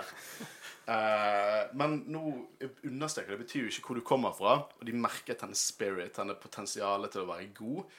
Og det er noe som er sterkere enn blod. Og det, det er Det er liksom det denne filmen bygger på. da Jeg syns det er igjen et veldig godt, godt uh, god tanke og god liksom, mål med filmen. Uh, og eh, nå er jo det at vi får se Leia sin lightsaber. For det, han har noe til hånd, og det er på en måte Leia sin lightsaber. Og den er nydelig. Bare sånn roségull. Og bare Den er sånn Den er feminin, men sterk. Sånn designet. Det bare hvis det, det bare gir mening at det er Leia sin lightsaber. Mm, og her kommer noe jeg elsker med denne filmen, er den flashback-scenen. Jeg, jeg vet ikke hva dere syns. Gud! Konge. Helt konge. Og der er Leias eh, på en måte Billy Lord eh, tatt eh, Ja, åh, det, det er så tatt rørende, ass. Tatt skuespillerrollen som, som Leia, på en måte. Ja, helt konge. Jeg er så glad at vi fikk vite litt mer om eh, det, og mm. det var vel første gangen i Cannon at det ble bekreftet at Luke trente Leia. Nei, det ble bekreftet tidligere eh, i Visional Dictionary. Det Ah, ble bekreftet at hun avsluttet eh, læren sin av at hun senset noe med Kylo Ren, nei, Ben Solo. Det blir jo sagt i filmen òg. Ja, og det ble bekreftet her. Mm. Eh, nå gir det mening her, folkens. Den der Skywalking-scenen. Som også gir veldig mening siden vi ser fuckings toddlers bruke The Force i Clone Wars. Så hvorfor i helvete kan ikke hun bare dra seg inn der? Jeg vet det ser goofy ut. Jeg skal slutte å snakke om Last Jedi. Men uh, X-Wing-scenen skal du få lov til å bare ta oss gjennom, Christian. For den er din scene. Det er din scene. Er det en scene som egentlig kunne vært i The Last Jedi? Jeg vet ikke helt. Nei, for der må han lære noe. Christian. Ja, ok, ja, men jeg skal, jeg skal slutte. Eh, men ja, eh, nå kommer den flotte scenen som er fanservice på sitt beste. og det er Luke som løfter X-vingen sin opp av vannet. Som er en nydelig Ja, med jordamusikk bakgrunn. Som er en nydelig eh, eh, fanservice basert på eh, Empire Strikes Back-scenen. Men eh, jeg føler at det må jo ha vært ganske det du har sagt hele tida, er at det du ikke likte med Last Jedi, er hovedsakelig det med Luke. At, at det ikke var din Luke alt mulig sånn. Å nei, det er ikke, det er ikke den eneste grunnen til at jeg Nei, ikke liker Last Jedi. det har Det er mange andre andre nå åpner du en can of worms her, Robert. OK, men det er en av hovedgrunnene. Det, var en av hovedgrunnene, det men på en måte det som er sagt før òg, at på en måte Ron Johnson tar en mektig Jedi eh, master som Luke og lærer noe, er utrolig. Og alt det Håvard sa Håkon heter jeg. Håkon sa Støtte. Ja. Men allikevel eh, jeg hadde ikke hatt noe imot en skikkelig fanservice-Luke i forhold til å ha hatt han som eh, en badass i filmen, med tanke Nei, nei, på en lightsaber-duell mellom Snoke. Men liksom jeg, jeg, Poenget mitt med dette her Ja. var ikke for å skape en ny diskusjon, for den, den har allerede diskutert seg til døde. Men var ikke denne scenen ganske kjekk? Fordi da fikk du litt den gamle Luke jeg, som uh, jeg elsket Både den og uh, sesong to av Mandalorian. Ja. Da Men, fikk du Luke, ja. som Jeg, alle ville ha. ja, absolutt. Jeg, det er òg sant. Mandalorian sesong to Men eh, nei, anyway. eh, jeg skal ikke klage mer på Luke i The Last Jedi. Det har jeg respektert, og jeg, eh, jeg, jeg ja. Godt. Du er fornøyd? Jeg, er- jeg er fornøyd. Ja, det er bra. Hun skal fullføre reisen, nesten reisen til Leia, hinter de til, og dra til Exegol, finne wayfinderen fra skipet hun nettopp brente. Hun hadde ikke bare tok hun Ty Whisper, hun fikk brente den i til. Og flyr videre med Red Five mot Exegol. Jeg kom ikke til endgamet i hele filmen, for at uh, C-3PO sitt offer var egentlig ikke så mye offer for Arthur Fixer. Men uh, det er jo litt morsomt, da, fordi uh, tidligere i filmen så spør de jo han Men har ikke Arthur en backup? Og så Nei, nei, men uh, disse astromech-drøydene er notoriske for å, å være dårlig. Og det viser seg at han hadde jo helt rett, fordi det er jo et gammelt minne. Han er jo seg sjøl igjen, men det må ha vært et par år i hvert fall. Var eh, ikke det, han sa ikke jeg skal, ut på, jeg skal ut på mission med Mistress Ray. Var ikke det rett før Jo, det, han sier det, så jeg tror det er akkurat der han har tapt minnet Ja, rett før I begynnelsen av filmen. Ja, okay, jeg tenkte jeg Det hadde vært tenkt, jævlig gøy hvis de dro han tilbake til New Hope C-3PO. hele tida tenkt at det var et annet minne, men ja, det gir Eller bare sånn. Shmi! Where are you, Shmi? Annie! Uh, Lille Annie. Eh, men han uh, får litt panikk, for det at han ser jo Luke sitt call sign dukke opp, og det viser seg at R5 veileder gjennom dette røde honeycomb-fieldet. Og det her de eh, sier sånn Let's do some holder maneuvers. Make some damage. Uh, that move is one in a million. Og det er veldig greit, sant? for det er jo one in a million. Sant? Og det, det jeg trenger for å bekrefte det Men hvorfor i helvete får vi se en holder maneuver i slutten av filmen igjen? Sånn, Hvis det er one in a million, hvorfor viser de det igjen i filmen? De prøvde å på en måte hold, få litt, eh, de sinte fansen til å holde kjeft med holder maneuvers, og så viser de igjen i filmen. Skjedde det i Hæ? slutten? Ja. Det, over, over, eh, over eh, Er det over Endor med Wicket som ser over, så ser du et skip som sånn kløyv de to. Med et hyperspace-merke, liksom. Å ja. Og det lå ikke merket. Nei, sant? Ah. Men uh, de drar nå videre, og det er Tanty V4, Flies Again, konge. Eh, og nå skal de, de skal ta ut et tårn, sånn at hele flåten blir stuck på, på Exegol. Det, det er sånn teit sånn ødelegger én ting og alt fuck it. Det har vi sett før i Star Wars. Eh, og det er en kul eh, Det er litt busy fight. Det er liksom, jeg syns ikke det er en god space fight. Det er ikke en space fight, Nei, det er for det er jo faktisk Atmosfærefight. at- atmosfære- Ja, du skjønner hva jeg mener. For det er liksom masse, det er masse uh, fighters mot jævlig mange System Class Star Destroyers. Eh, og de lander på, flagg, uh, på flaggskipet til Pride og bare sånn They're not using speeders. Så kommer alle disse space ponyene ut. Og, Jeg vet ikke, jeg ville i alle fall hatt en shield generator rundt det. ja, de har jo shield generator, men det er ikke alltid noen For noen av de fungerer ikke Mot fysisk skade ikke nødvendigvis en ting, liksom. Okay. Så det er forskjellige typer shield, så de fleste er mot blaster damage. Det- Fordi de sprenger den jo eh, fra hvis- innsiden. på Så måte. hvis vi hadde hatt en sånn bubble shield generator og en, eh, og en Glock, så hadde vi gjort det jævlig bra i Star Wars-universet. Eh, jeg liker også at Arthur er er X-wingen til Poe. Så han fortjener sin siste action-sekvens. Og de driver og venter på backup, for Lando er på vei til å prøve å få litt backup. Men det kuleste her, er- her er jo sluttscenen på Exegol. Det er Ray i Luke sin X-wing, og vi får også se Sith Troopers. Eh, og eh, Sith Troopers er jo en stor referanse til, til masse forskjellig design. Jeg ser Det er litt lanky, litt som Death Troopers. Vi ser den der T-visoren som kloner. Eh, veldig kult design. Jeg synes Sith Troop, At de drar, drar Sith Troopers fra Legends inn til Cannon. Kjempekult. Elsker designet. De er jo ikke noe mer badass enn en Stormtrooper. De gjør jo ikke noe mer. De får så vidt en, liksom, et shot av Du ser de bare sånn i bakgrunnen. Det er så mange kule designer som er sånn blurry og i bakgrunnen her. Eh, spesielt senere, når de er inne i keiserens tronrom på Exegol. Eh, det er jo det tapt potensial, syns jeg. At det ikke bare det var Stormtrooper Rebellion. Jeg skal ikke mase mer om det, men du har liksom de ondeste motherfucking Sith Troopersene. Stormtroopersene er, som Og er så der. slåss de mot hester. Ja. eh, det er jo her Darth Revan blir eh, dratt inn i canon. Fordi at eh, disse Sith Trooperne har ulike bataljoner oppkalt etter gamle Sith Lords, og en av de Sith Lordene er Darth Revan, så Revan Battalion.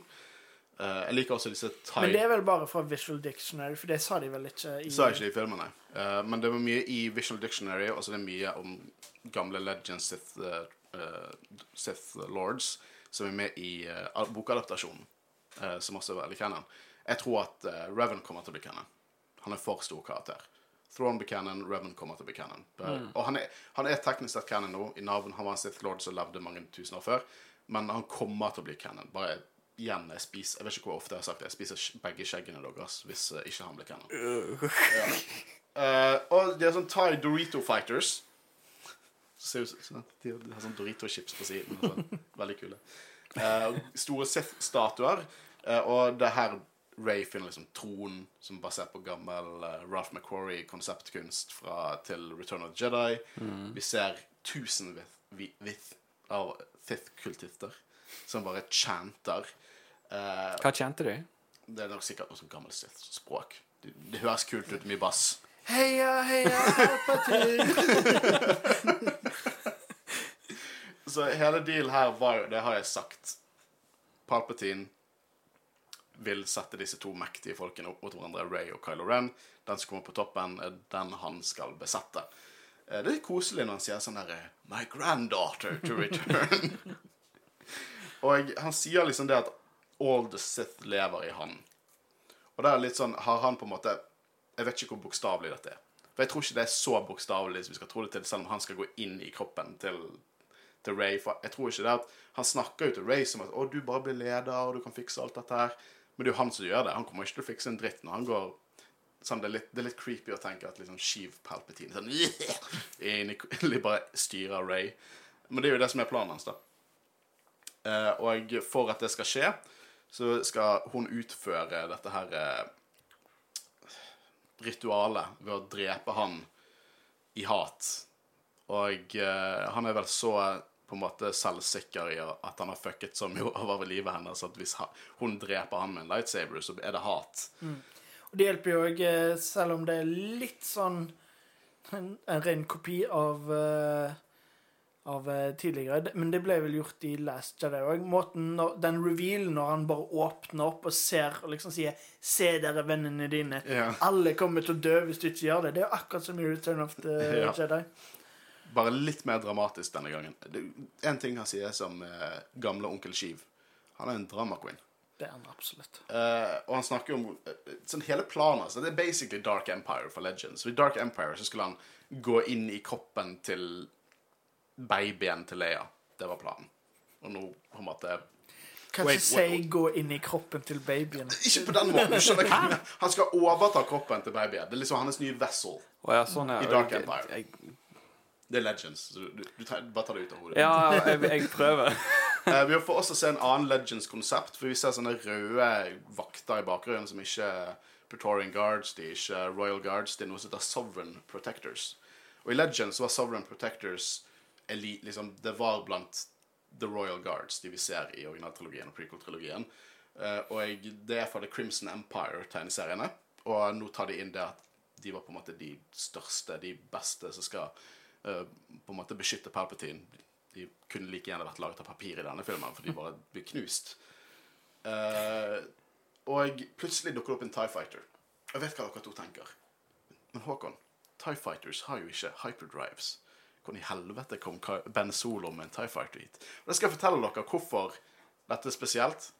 Og det er helt klart en retcon. dette er en TIE Scout. Det er TIE Fighter med en hyperdrive. Ja, men var ikke det TIE Fighter som fulgte helt Det var First Order TIE Fighters. De har hyperdrive. Ah, okay. okay. Men dette er en Imperial-æra. Men det er en Scout uh, TIE Fighter med hyperdrive, og det er kun fordi at sånn Å, X-Wingen der, og så TIE Fighteren der. To maktene kommer sammen. Det er kult. Ja. Uh, og så sier Ben Solo de siste ordene han sier, som Ben Solo. Au. Sier ikke Men mer. når han hopper ned på den kjettingen som han skal gå ned på, sant Mm. Eh, det- det- Gir ikke det mening at den heisen går opp igjen og ned igjen? Altså, Hvordan Jeg fungerer vet ikke om det? det er en knapp der, liksom. Ja, altså, what the f... Det er veldig minimalistisk, disse setene. Og her får vi Ben versus Knights of Ren, og det er bare dritfett. Det, han er som en Luke og en Solo. Når, for det senere så tar jo Ray og på en måte lurer Palpatine, og så gir hun vekk lightsaberen til Mm, det er så kult. Og han, han får tak i den, så tar han en sånn liten sånn shrug, og bare knuser dem. Dødskult. Ja. Konge, konge. Eh, og det er jo her, når de to kommer og skal stå sammen mot Palpatine, der Palpatine senser The Dyad. Han sier at det er som en det er en, det er en force power som livet sjøl. Og det er her jeg trekker inn Mother Tell sin shit. Når hun- driver og trekker livsmaktene ut av Dooku. Det er, det er jo samme fucking shit som skjer her. Og det, det er canon som ble etablert i 2014. Så at alt dette her Du kan si at det er veldig mye sånn contrived plot shit, og det er jo det. Men det gir mening i forhold til canon. Eh, Og han blir Han har til og med tid til å bytte litt wardrobe. Men han blir til liksom old school Palpatine. Og her er en annen ting jeg har lyst til å snakke om. For det er veldig mange som igjen tenker veldig bokstavelig. Som at Palpatine fikk alle disse arrene når han var Når han ble truffet av sin egen Force Lightning. Men jeg syns aldri det gir mening. Og det ble, det ble I Legends-tidene så ble det i Envisional Dictionary på den tiden sagt at nei, det var bare masken hans. Det som, hvordan Sheev Palpatine ser ut i senatet, masken hans, men det, han har liksom så mye dark side power at han bare blir korruptert. Og du har sett Palpatine gjennom hele denne filmen. Han ser ut som en zombie, men han ser ut som en mann. Han ser ut som Ian McDermid, bare, bare litt blek og hvite øyne. Men nå, liksom, nå har han på en måte prune face og de, de på en måte gule øynene. Så nei, vet du hva hvis Dette er absolutt noe i min mening som bekrefter at det er ikke en fysisk skade han har. Det, det er hans power, og nå er hans power tilbake igjen. Den dark side-poweren han har. Og han blir sånn. Du ser han bokstavelig talt fysisk endrer fjesstruktur og øyne og alt når han får den kraften tilbake som han trekker ut fra det uh, force diet. Jeg vet ikke hva dere har tenkt Nei, jeg har ikke tenkt over det før nå, men uh, ja, det gir jo mening. Og spesielt, vi har jo tror vi har snakket om det i Revenge of the Sith-episoden, at eh, at det da Jeg vet ikke om det var offisiell canon da, men at han på en måte bare var en maske. At han egentlig var Hadde så et, et rosinfjes hele Ja, tida. ja. Så ja, Og så bare bruker han det etterpå sånn 'Å, jeg ble så skadet'. Dette Mm. er sånn jeg ser ut nå. Snap, Snap Wexley dør. Ja. Og så opprørerne taper jo.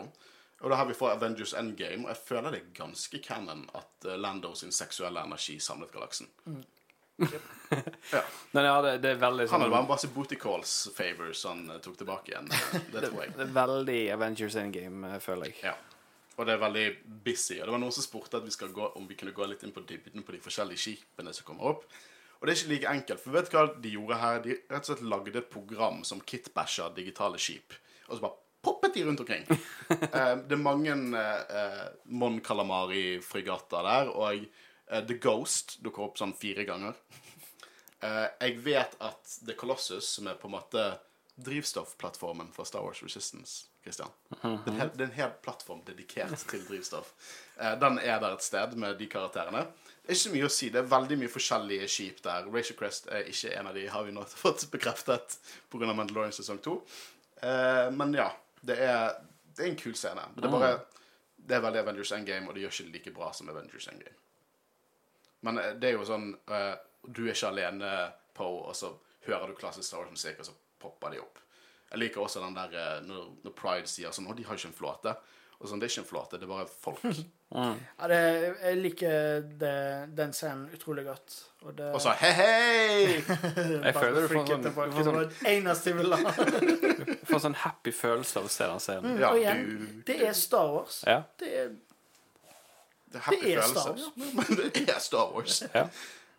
Um, og nå er jo han nå er jo, Han er jo Darth Sidious.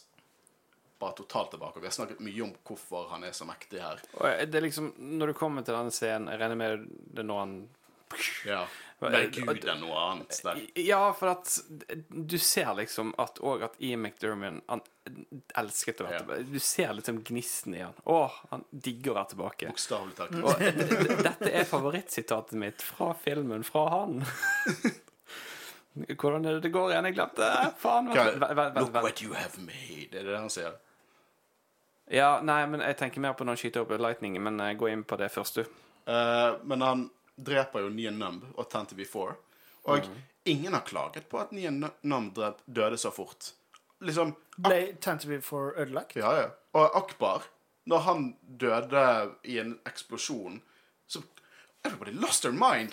Men når Nian Nam gjør det, når Dickhead når døde, så det er ingen som klager. Hvor er hvor er tankene til Nien Nam? Nien Nam var mye mer med i den filmen enn Akbar. Eller kanskje like mye. Men Nien Nam, folkens. Men jeg trodde det ikke ble ødelagt, at det bare begynte å synke. Og at de Han ble offisielt ødelagt lagt der. Ja, det er sant, men Akbar er jo Akbar. Da hadde piket vi sikkert. Look what you have made. Look what you have made. ja. Uh, men uh, Ray, han flikker jo uh, Ben ned eh, en ravine, eller hva faen. As once I fell, so falls the last of, of Last Skywalker. Last Skywalker. Ja. Og Ray er alene der. Og jeg, Oi, nå må ikke du slå deg. Jeg vet jeg liker Star Wars mye, men du kan ikke slå i veggene. men Ray er alene der. Hun ser opp mot himmelen, opp mot all støten, ligger på bakken. Å, jeg kom på det! Sorry. Uh, don't fear this feeble attack, my loyals. None will stop the return of the Sith. Ja! Sorry. Å, bare, oh, det er så nydelig å se han igjen bare som går helt amok. Men i scenen når Ray hører Hører Kanan Hører Obi-Wan, ung og gammel, Asoka, Qui-Gon Mace Windu. Masse det randoms. betyr at Mace Windu er et Force Ghost. Nei, det gjør det ikke. Anakin hører han, selvfølgelig Luke og Yoda. Og det, det er en kongescene. Og, de, og det er liksom Det er mange liksom Jeg tror Ayla Secura og, og uh, Kiadi Mundi er der inne for en eller annen grunn. Men nei, jeg tror ikke det betyr at, eh, at eh, det nødvendigvis de De er en del av The Force. Ja. jeg tror ikke at de kan liksom Jeg tror ikke de er som Qui-Gon og Og, og, og, de. Men, Men jeg det- tror absolutt Asoka er en Force Ghost. Ja. Ja, hun fortjener det. Hun er Ja. den best beste Jedien ever. Hun er på en måte One in the middle. Nei, men eh, liksom, jeg, òg digger å Be With Me på en måte, er på en måte det de har bygget opp med fra når hun begynte den treningen i starten av filmen. Uh, men hva syns dere? Burde det vært Force Ghost her? Ja. Mm. Vi burde sett uh, Anakin, vi burde sett Qui-Gon, vi burde sett Obi-Wan, Yoda og Luke stå bak henne og uh, reach out with the force. Akkurat sånn den fanscenen. Så er laget Ja. Ja. ja. Det er tapt potensial. Kjempetapt potensial. Det, vet du hva, det hadde gjort, hvis jeg hadde fått den scenen, så hadde jeg Jeg tror det hadde økt filmen betraktelig mye mer for meg. Hvis jeg bare hadde fått den scenen. Og det er veldig gøy å høre Hayden Christian Henriken. Det er veldig gøy å høre Kanan og Asoka. Alle de. Kjempekult. Jeg trenger eh, I hvert fall av the main force people. Jeg trenger Ni Ni Liam Neeson der. Jeg trenger Hayden Christensen. Hele den gjengen som Ja. står bak henne og reacher ut med the force. ja. Jeg har faktisk litt lyst på en slags director's cut av, eh, av denne filmen. Mm. En eh, special edition. Bare fiks den opp. Ja. Jeg hadde ikke Eh, Nå vet jeg ikke om det er veldig mye sletta scener, om det på en måte derfor han har dårlig pacing, eller om det er bare manuset som er dårlig. Men hvis det er masse bonusscener her som kan fikse det, så hadde det vært konge å sett det. Hvorfor kunne ikke filmen bare vart i tre timer? Seriøst. Avengers jeg- jeg- Endgame Ja, jeg vet det. Da kunne Rise of Skywalker gjort det. Jeg, jeg er ikke sikker på om de har slettede scener, men det jeg vet, er at eh, de ønsket egentlig å, å Tanken på å lage to filmer, men det har det jo ikke gått. For at det er jo bare Det er jo en trilogi, tre episoder. Så jeg ser jo for meg at i og med at det er uttalte det, så har de kanskje noe på lur. hva? Jeg synes det kunne vært helt konge hvis de lagde tre trilogier. Prequel-trilogien, originaltrilogien, sequel-trilogien. Og så hadde du en film som kom etter det, så samlet alle sammen. G- Det funker jo. Liksom, Gi meg heller to filmer til enn én som bare bare sånn dyttet inn. Bare, de, har, liksom, de har bare tatt et skojern og bare sånn Du er størrelse 45, men du skal inn i denne 40-skoen. Men jeg tror de har masse scener på lager. Jeg håper det. ja. Det, det kommer aldri til å skje.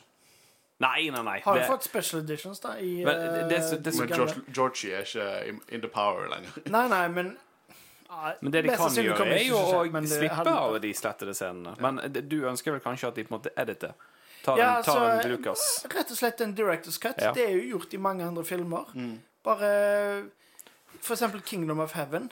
Det er en annen film når du ser Director's cut er faktisk god. Konge. Ja. Får starte en sånn Twitter-kampanje, sånn som vi gjorde med Sånn som de gjorde med Snothercut. Release the director's cut av Rise. Eh, vi har fått inn et annet diskusjonstema. Ja. Hvordan døde Palpatine når han tålte sin egen forslagning i Return of the Sith? Nei, eh, Revenge of the Sith. Én, alt som skjer i den, den der oppe mot Mace Window og sånn, jeg tror alt er faked. Jeg tror Palpatine har full kontroll. Eh, han lurer Anakin til å ta det siste leapet into the dark side. Og jeg tror også det at han blir ikke skadet av den Sith Lightningen. Jeg tror det kun er fuckings løgn og, og skuespill. Uh, men hvordan dør Palpatine når liksom tåler Han tåler jo Sith Lightningen her. Dette er ikke Sith Lightning. Dette her er jo noe sånn fuckings uh, Lovecraftian gud lightning. Og jeg tror ikke det, bokst- det er igjen det man bokstavelig talt ser. Ja, lightningen er en del av det, men det er jo ikke bare det. Hun har jo alle Jediene med seg. Det at vi ikke ser Force Ghosts, det er en ting. Men at de er der, at Jediene er der og hjelper henne, det skjer. Så det er ikke bare det at han skyter seg sjøl med Force Lightning. Det er noe mer her. Må, vi må liksom se litt mellom. Må, må se litt mer sånn det, det- Ikke så bokstavelig på det som skjer. Mm. det, dette er ikke et regnestykke. Liksom, hun har makten til alle Jediene, og det er ikke bare vanlig Force Lightning som kommer ut av hendene på den gærningen der, men det er i hvert fall enda mer at Palpatine dør. Han blir sprengt. Han blir sprengt igjen. Men ja, Palpatine burde vært hintet til mer i de andre filmene. Men la, Nei han var jo med i Fortnite. Nei sorry. yes. han burde jo det. Men Men også har hørt den meldingen, forresten. ja. Eh, Hvordan er det? Jeg har ikke hørt den. Er det ikke, det sånn. Nei, bra skrevet? Nei. OK. Er Dere, ikke, dere husker ikke? Da er det egentlig svar på spørsmålet. Men eh, jeg syns bare det at ja, det skulle vært mer eh, kontinuitet der. De prøver å fikse på det. Eh, men Jeg kom på hva han sa i den meldingen. Ja, Han kjør. Somehow I have returned. Men det er jo passende at han er skurken der. Ja. For hvis, hvis Snoke skulle vært en egen person og bare dødd, og det skulle være avslutningen på sagaen, hva hadde stoppet en fremtidig baddie å dukke opp? Og det er Palpatine all along. It was Palpatine all along. Så er det passende at han, han dør. Jeg har ingenting imot det.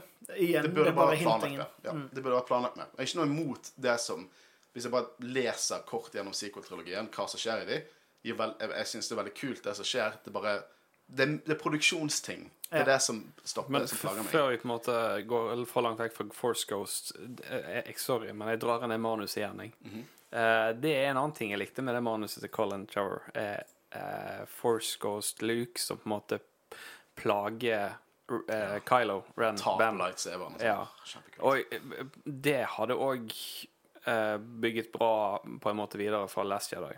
I og med at han sier på slutten 'See around, kid'. Ja.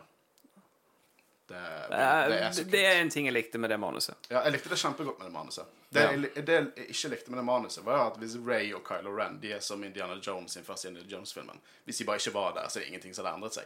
De, gjør, de gjør ingenting i den filmen. Men i hvert fall, Ray er død.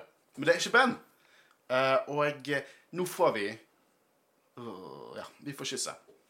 Vi får kysse. Jeg, jeg hørte jeg, jeg, tror jeg leste det på Reddit et sted, eller noe sånt, at uh, Kylo Ren healer jo eh, Eller revive, Ben revive, Solo. re, revive Ben Solo revive. Sorry. Jeg kaller han for begge deler. han holder henne på magen. Og så leser jeg sånne teorier om at folk tror at han gjør henne gravid. Det er ikke sånn det fungerer. Jeg bare, jeg bare, jeg bare skjønner ikke Hvor kommer det fra? Kan jeg, kan jeg bare spørre Dårlig, eh, De som har skrevet det dårlig sånn, helsetjeneste på barneskole. Kommer det fra. jeg, jeg, jeg, ble litt satt ut når jeg leste det. Ja, skjønner jeg godt. Men, Jeg eh, måtte bare spørre for om det var noe i det. Vet, du, hva, ja. men hun, han healer hun tilbake fra de døde, basically. Eh, og jeg, eh, folk sier ja, men hvorfor kunne ikke bare Anakin gjøre dette med Padme? Vel, en, de var ikke en force-diet. Uh, to, så tror jeg at det er Og jeg snakket mye om dette her når vi snakket om Rise of Kylo Ren i Kylo Ren-temaepisoden vår. Kylo Ren bak masken, kalte vi det. Uh, det som skjer her, som jeg tolker litt, da, er at Anakin var en veldig sånn han var ikke en balansert fyr, til og med når han var light side. Han, han var mer mot the dark side. Og han ville mer Vi ser jo forholdet Anakin og Padmay har. Det er et veldig sånn objektifisert eiendom, nesten. Som det Anakin sier er liksom Jeg forbyr deg til å gjøre dette her. Han vil ha alt. Han vil ha makt. Han vil ha hun som en jeg, jeg tviler ikke på at de elsker hverandre, men det er usunt, det røde flagget her. Dette her er bare sånn uselvisk. Jeg tror, jeg tror, ikke, jeg tror Ben er klar over hva som kommer til å skje. For da han dør jo for at Ray skal leve. Kysset suger. Jeg skal ikke si noe på det. For det er ikke Det er, ikke, det er litt ekkelt. Det, det, er liksom, det, er ikke, det har ikke vært noe, noe sånn seksuelt forhold mellom de to. Det, det, det er litt icky.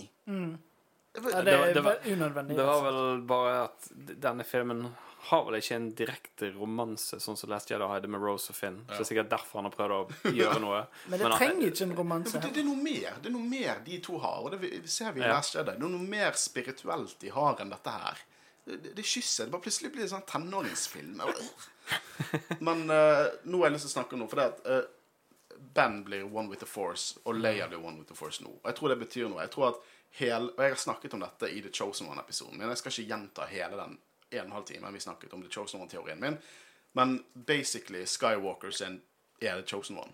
Den familien, liksom, Det er ikke én The Chosen One, det er flere The Chosen Ones. Og den siste dominoen i den rekken er Ray. Og ja, hun blir Hun, hun, hun har lært av The Jedi i prequel-trilogien. Hun er en karakter som kan elske og være menneskelig, men fortsatt holde en balanse.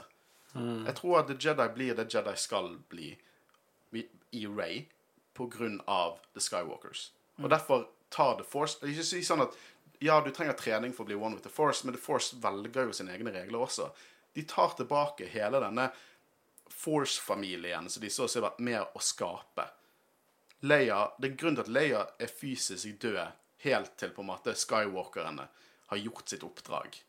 Når Ben dør og lever igjen i, i Ray, da forsvinner Leia, da forsvinner Ben Solo, de blir one with the force. De er the chosen ones. Og jeg føler Cannon og denne filmen bekrefter det. Vi har hørt flere ganger. Vi har hørt i prequel-trilogien, i Clone Wars, Anakin and the chosen one. Vi har hørt i, i på en måte Civil War-æraen i Cannon at Luke er the chosen one. Det er ikke så enkelt som det er én. Det er mer the chosen ones. Og det er Skywalker. Det er det hele filmen snakker om. Det snakker litt om Rise of Skywalker.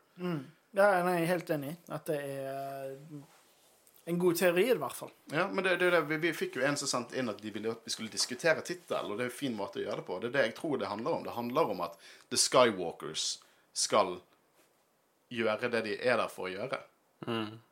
Og at Ray da Det kan vi gå tilbake til etterpå. Men bare det at Ray på en måte velger å være en Skywalker, syns jeg er passende pga. hele den historien til den familien. At hun er sluttproduktet. Det er den familien har måttet lidd og kjempet for. Men vi snakker mer om det etterpå. For det, nå er det seier, og alt er happy. Uh, for det, nå er liksom uh, Seth død. Og uh, vi ser Wicket på Endor, min holdermanøver uh, over. Eh, det er jo noe jeg veddet på kom til å skje. Jeg har fortsatt ikke vunnet det jeg skulle vinne av det veddemålet med en kompis om at uh, Ewoks kom til å dukke opp i denne filmen, men det skjedde. Susan har en sønn. Wicked gjør det bra. Så Bespin, Jakku og et fint sånn ha det-øyeblikk. Chewie får medaljen til han solo. Uh, thank you, I hate it. uh, første onscreen lesbian-kyss. Lesbisk kyss. Jeg vet ikke hvorfor jeg sa det på engelsk. Uh, baby steps. Star Wars. Baby steps. Men det liksom jeg- synes at Star Wars burde tørre å gjøre det tidligere. Men det, jeg syns ikke nødvendigvis negativt at det er med her. Og det er ikke, det er ikke sånn Det er ikke sånn Å, det er agendaen til til The Rise of Skywalker. Uh, baby steps. Ja. De burde forte seg. Uh, nå er det snakk om at de skal få Dr. Afra skal få en live action-serie, og hun er jo en, en åpent eh, lesbisk karakter i Star Wars-universet, så det kan være kult. Uh, men ja. Det, det er ikke nødvendigvis negativt at de, at, de, at de viser det her nå. Jeg bare tenker at de burde gjort det De burde tørre å gønne litt på det tidligere. Det er fin og Poe. Den bromansen. Bare gjør det litt mer For all del. Uh, Lando som snakker med Jana, var det hun het? Ja. Ja, og den der uh, Veldig rar scene, egentlig. Jeg vet ikke helt hva jeg skal si om den scenen. Hvor kommer du fra? Jeg vet ikke. Let's find out, kid. Det er pappa. Hæ? Ja, kanskje. Jeg vet ikke. Nei, jeg håper ikke det er farlig. Men det er nesten sånn de hinter til det. Det er så teit. Ja, det er akkurat det. det, det de du får liksom den følelsen at de hinter til det. Enten så er han faren hennes, eller så siden det er Lando, så virker det nesten som om han prøver seg på henne. Jeg vet ikke. Og det er bare ekkelt. Uh, og helvete, denne galaksen er et fuckings rot nå. Fordi at opprørerne under liksom borgerkrigen De hadde i hvert fall litt sånn politisk agenda. Hva faen har disse tenåringene Hva faen har de? De har jo ingen liksom De har jo ingen statsorganisasjon eller noe som helst. Det er bare en gjeng med anarkister. Ja, men uh, tror du ikke de har et samarbeid med The New Republic? Så, New Republic er jo knust. ja, men det må vel være noen som fortsatt er Jeg, jeg tror at dette, de- denne galaksen Alle i New Republic kan ikke ha blitt drept. Økonomien kommer til å falle sammen. Dette kommer til å være et helvete. Det tror jeg. Det Må bygges opp igjen. Men jeg liker å se når de gir hverandre en klem. Mm. Det, og gråter. Det er en fin scene. Og er vi tilbake på Tatooine. Hun har laget seg en gul lightsaber som er helt konge. Av alle plasser de valgte å avslutte s- s- jeg på å si sagaen med siste scene, så var det riktig plass å gjøre det. Ja. Absolutt. Eh, Og den gule lightsaberen er helt konge. Og jeg tror det balanserer mer enn Nei, representerer mer. Vi har sett det i Cannon før. Balanse, eh, altså Rød, gul Nei, rød, blå og grønn. Og hvis du er Samuel Jackson, så får du alltid viljen din. Lilla. Uh, I Legends er det jo flere farger, men eh, gulfargen, hva representerer den? Rep- Kan den representere balanse? Jeg, eh, jeg, nå ser vi at Jedi Guardians i, eh, i Clone Wars De har, tenker Sentinels nå? det er Sentinels. Ja. De har gul. Eh, og eh, de er jo de er vel, Jeg tror de er veldig Jedi. Sånn ekstremt Jedi. Sånn, de skal ikke føle så mye. De skal på en måte ha bare ett formål. Nå vet jeg ikke hva gul nødvendigvis representerer. Og det er ikke noe hard canon annet enn at disse fargene representerer det, og, dis, og rød representerer bad guys. Men jeg tror at det, det, Vi har ikke sett det i live action før. Jeg tror det rett og slett representerer en ny vei. Det er en mellomting. Det er Ok, for jeg, jeg tenkte Altså, det er jo, du kan jo Det er jo ikke gitt hva det betyr ennå, selvfølgelig, men at det kan bety enten balanse, eller det kan bety at hun gir respekt til uh, tusen generasjoner med Ja. Jeg, bare føler det er ingen feil svar i den Nei. spankuleringen, spektiseringen, spekuleringen vi gjør Ja, der. men jeg syns det er stilig at det er gulfarge. Mm. Og den har jævlig kul lyd. Den har Ja. liksom metallisk humming, nesten. Uh, og så hun begraver Luke og Leia sin lightsaber. Og tror du, naive Ray, at Java ikke har metalldetektorer?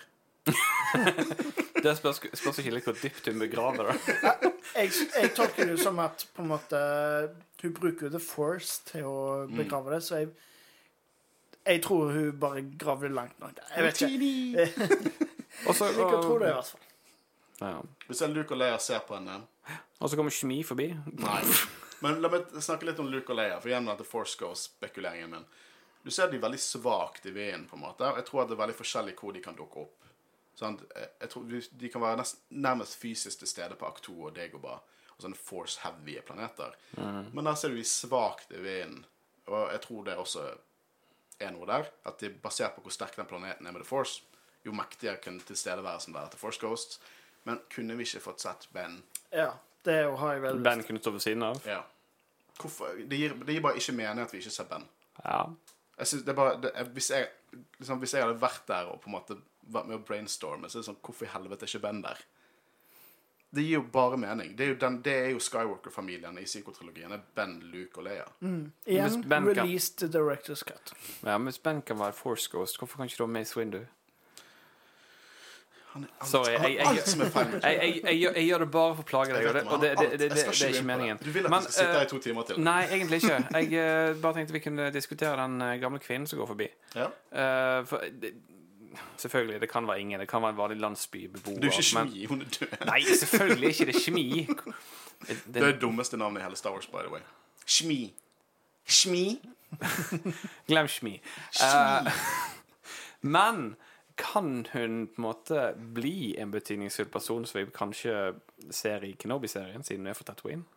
Det hadde jeg ikke hatet. Liten connection der. Jeg vet ikke, jeg føler at det blir Hun kjenner jo helt klart til Skywalker-familien. Det har ikke vært så mange. Altså, hun går forbi. At hun, hun, hun sier det har ikke vært noen her på så lenge. så derfor jeg tenker kanskje hun på en måte kan kjenne i alle fall de som har bodd der. Ja, det tror jeg. Jeg tolker Det- at hun kjenner de. Det kan hende. Jeg føler Nå, nå blir jo dette argumentet ikke betydningsfullt, da. Fordi vi hadde jo litt samme diskusjon med Ray. liksom. Å, det må alle karakterer være noe viktig.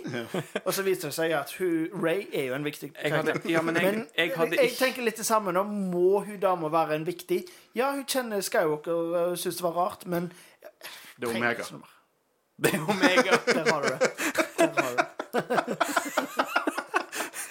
Ok. Ja. Nei, altså, det, vi får bare vente og se, rett og slett. Eh, men Men jeg kommer til å spise ordene mine hvis det viser seg i Kenobi at egentlig så er det Kanskje Å, jeg vet. Det, det var hun som jobba på Toshi Station. Hun venter fortsatt. Nå dro hun endelig dit for å se hva som tok så jævlig lang tid. Men uh, vi har fått en annen en her, uh, fra en som helt klart ikke er så glad i denne filmen. Eh, og det er ikke meningen å, å Jeg skal ikke roaste her. Det er ikke det jeg mener. Og hvis du synes dette er den verste scenen i hele Star Wars, fine. Jeg tror ikke på deg, men fine. For du sier Jeg lurer veldig på hva dere tenker om den verste scenen i hele Star Wars. Ray Who? Uh, nå skal vi snakke om den verste scenen i Star Wars. Jedi Rocks, kanskje? uh, Jar Bing som sjonglerer med shit i bakgrunnen mens Anakin og Pad- Padme møter. I Don't Like Sand med Anakin og Padme. Spise CGI-pære med Anakin og Padme. Samtalen rundt peisen med Anakin og Padme. Alt med Anakin og Padme. Um, mesteparten av Jar Jar Bings, hele Clone Wars-filmen, egentlig. Kysset mellom Ben og Ray. Utenom- Jeg fant en verre scene i denne filmen. Jedi Rocks igjen, for den må bare understreke. er Uten, jævlig. Clone... Og Bad Batch episode 13. Det, det, nå sa jeg 1, 2, 3, 4, 5, 6, 7, 8, 9, 10, 11 Noen av de gikk på gjenganger. Scener som sa- jeg synes er betraktelig verre enn denne scenen. Og siden du sa alt med Jar Jar, så må vi bare trekke fra de to eh, episodene i Clone Wars. Bare sånn det er sagt. OK, sorry, men eh, ja. Men uansett Det er mange som ikke liker at hun kaller seg Skywalker. Jeg beklager. Ingenting imot dette, dette var bare fun and games. Jeg, jeg, du som sendte inn dette, er en av våre største supportere, og jeg er veldig glad for din støtte. Ikke ment som noe, noe roast. Jeg bare tenker Kom an. At hun kaller seg Ray Skywalker. Du kan ikke like karakteren, du kan ikke like filmene. Men den ferden hun har vært gjennom med familien Selvfølgelig kaller hun seg Ray Skywalker til ære de som på en måte har jobbet for å få henne der. Jeg synes bare jeg, jeg elsker det. Det er poetisk, og det er passende i forhold til historien. Det jeg, jeg har ikke noe mer jeg kunne si der. Ja, altså Sånn som tidligere i filmen, når hun var på den der festivalen, og uh, denne elefantbabyen liksom Det var en verre scene, by the way. Det var det ikke. Eh, eller ja, Jeg liker begge to. Men måten liksom sa sånn eh, Å, jeg har ikke et etternavn. Nå har hun fått det. Hun kan ikke akkurat kalle seg Å ja, nei, jeg er Ray Palpatine. Nei. Det, det går ikke. Og eh, ja, hun kunne funnet på noe, kanskje. Men allikevel. Jeg har ingenting imot at hun kaller seg Skywalker. Jeg synes det er veldig passende. Jeg ville at hun skulle gjøre det. Jeg ventet på at hun skulle kalle seg Skywalker. Det er jo tross alt Skywalker-sagaen. Og det bare viderefører historien. Det er Nei, jeg likte det veldig Jo, godt. alt jeg har sagt med Skywalker er the chosen ones, og de dør og kjemper for at neste generasjon av Star Wars med, nei, med Jedi som har lært seg alt dette her, som har bekjempet Palpi i Ray, selvfølgelig kaller hun seg Ray Skywalker. Og alle i Skywalker-familien in universe hadde vært Til og med Shmi hadde vært glad for at hun her kalte seg en Skywalker. Konge. Og så avsluttes det med at hun ser inn i solen, og så kommer The Mandalorian Solene. og slår ned kameramannen og sier 'We ain't done yet'. Eller 'Star Wars ain't done yet'. Var ikke han like gøy? Nei. Fordi på grunn av Mandalorian. Ja, for det, da fortsatte jo Star Wars med Mandalorian. Nei, jeg skjønner. Masse, masse mer Star Wars. Men det var Rise of Skywalker. Helvete, vi har snakket mye. men, men hva sitter dere igjen med? Nå er det snart to år siden den filmen kom ut. Jeg hadde jo ikke sett den siden kino. Jeg må jo sies at jeg så den sånn tre eller fire ganger på kino, og jeg, jeg likte den greit. Jeg eh, husker at jeg synes han hadde problemer, men jeg likte han greit nok. Mye av det negative med den filmen har jo på en måte nærmest blitt fortalt i etterkant. Så jeg eh, Nå gikk jeg jo som sagt inn for å se han med et positivt blikk, og eh, ja, nei, jeg koste meg. Syns det var gøy å se filmen på ny. Langt ifra perfekt. Eh, men som film er han ikke dårlig. Jeg bare føler at det viser problemet de hadde med trilogien. Ja. Det understreker alle problemene de hadde med trilogien. Ja, så det er selvfølgelig ting jeg ikke liker, ting jeg skulle ønske de endra, men det er òg fullt av fantastiske øyeblikk. Og eh, ja, som jeg har sagt, det er en Star Wars-film through and through. Det er bare gøy. Mm. Jeg, jeg digger det. Og eh, ja Ikke noe mer å si. Jeg koser meg. Christian. Ja, jeg koser meg, jeg òg. Jeg gleder meg til episode 10, 11 og 12. ja. Jeg, jeg, jeg har ikke noe Tror dere vi får om sånn 30 år? Nei. 10, 11, 12? Vi kommer til å få 10 11 12. Med Ray? Finn og Ja, som gamle folk. Og en ny, 10 11 12. eh, ny generasjon. En eller annen gang får vi 10 11 12. Det tror jeg. Okay. De, de sier jo det hele tiden. Sånn der, eh, Når episode 6 kommer ut, å, avslutningen av sagaen. Nå kommer episoden inn i avslutningen av sagaen. Det kommer til å være et eller annet mer. Jeg tror, jeg tror eh, eh, Bare for å bygge videre på det. eh, jeg er enig i alt du sa, eh, by the way. Det er egentlig, Jeg vet ikke hva mer jeg skal legge til engang. Men OK, la, oss la, oss- la oss si de lager 10, 11, 12. Ta et lite sånn Thanos-moment. Ta, ta for eksempel at i episode 10 så dukker Plagueis opp og sier Fine, I'll do it myself.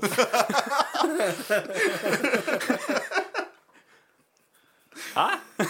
Kanskje de ikke kommer et 10 11 12. De er veldig fokusert på andre æraer nå, da. Jeg føler at Nei, på- jeg håper egentlig ikke. Fordi nå har vi jo sagt at uh, i hvert fall i Skywalker-sagaen så er det, det er vi Palpatine som var the big bad guy. De kan ikke gå videre nå.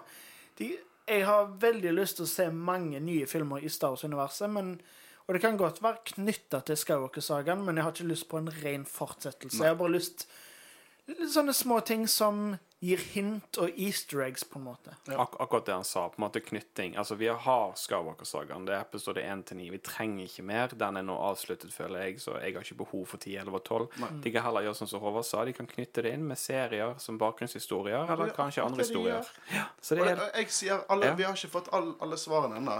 Men bare den Vader-komikeren og litt fra, eh, fra Bad Batch og Mandalorian har gjort at jeg liker denne filmen mer. Mm. Som en law-junkie så liker jeg denne filmen mer. Og ja, det er problemet med filmen. Den har ikke endret seg på hvor jeg har den på rankingen. Nei. Men jeg koser meg med filmen. Liksom, jeg, og en del av meg velger, med, velger å kose meg med filmen. Bare det at jeg vet hva jeg går inn til. Og jeg husker at da jeg først så den, så var jeg litt tom. Mm. var litt sånn jeg visste ikke hva jeg tenkte. Jeg hadde veldig lyst til å like den, men så visste jeg ikke helt. Så jeg den igjen, og så var jeg enda tommere. Og så så jeg den kom ut på, på, på Blu-ray Og bare sånn Ja, jeg likte den. Og jeg likte den mer og mer nå. Mm. jeg bare tenker at det er mange der ute, og mange av dere som hører på nå, bare takler det ikke. Det er ikke dette her. Men bare prøv. Les Vader-comicsene.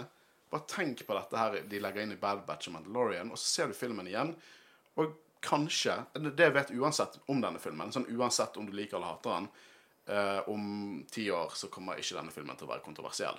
Og det, det samme har skjedd med prequel-trilogien. Jeg skjønner ikke hva som skjedde med den. For jeg synes at Phantom Menace og Attack of the Clones er to helt grusomme filmer, og jeg hadde sett denne filmen ti ganger over de filmene. Men hele den trilogien er jo bare godt elsket nå. Og det skjedde nylig. Det skjedde nylig. For i 2015, når Force Awakens kom ut alle var livredd for at det skulle være som prequel-trilogien. De var livredd for det. Og så plutselig går det et par år, og så er det på en måte Nei, prequel-trilogien var ikke så gale.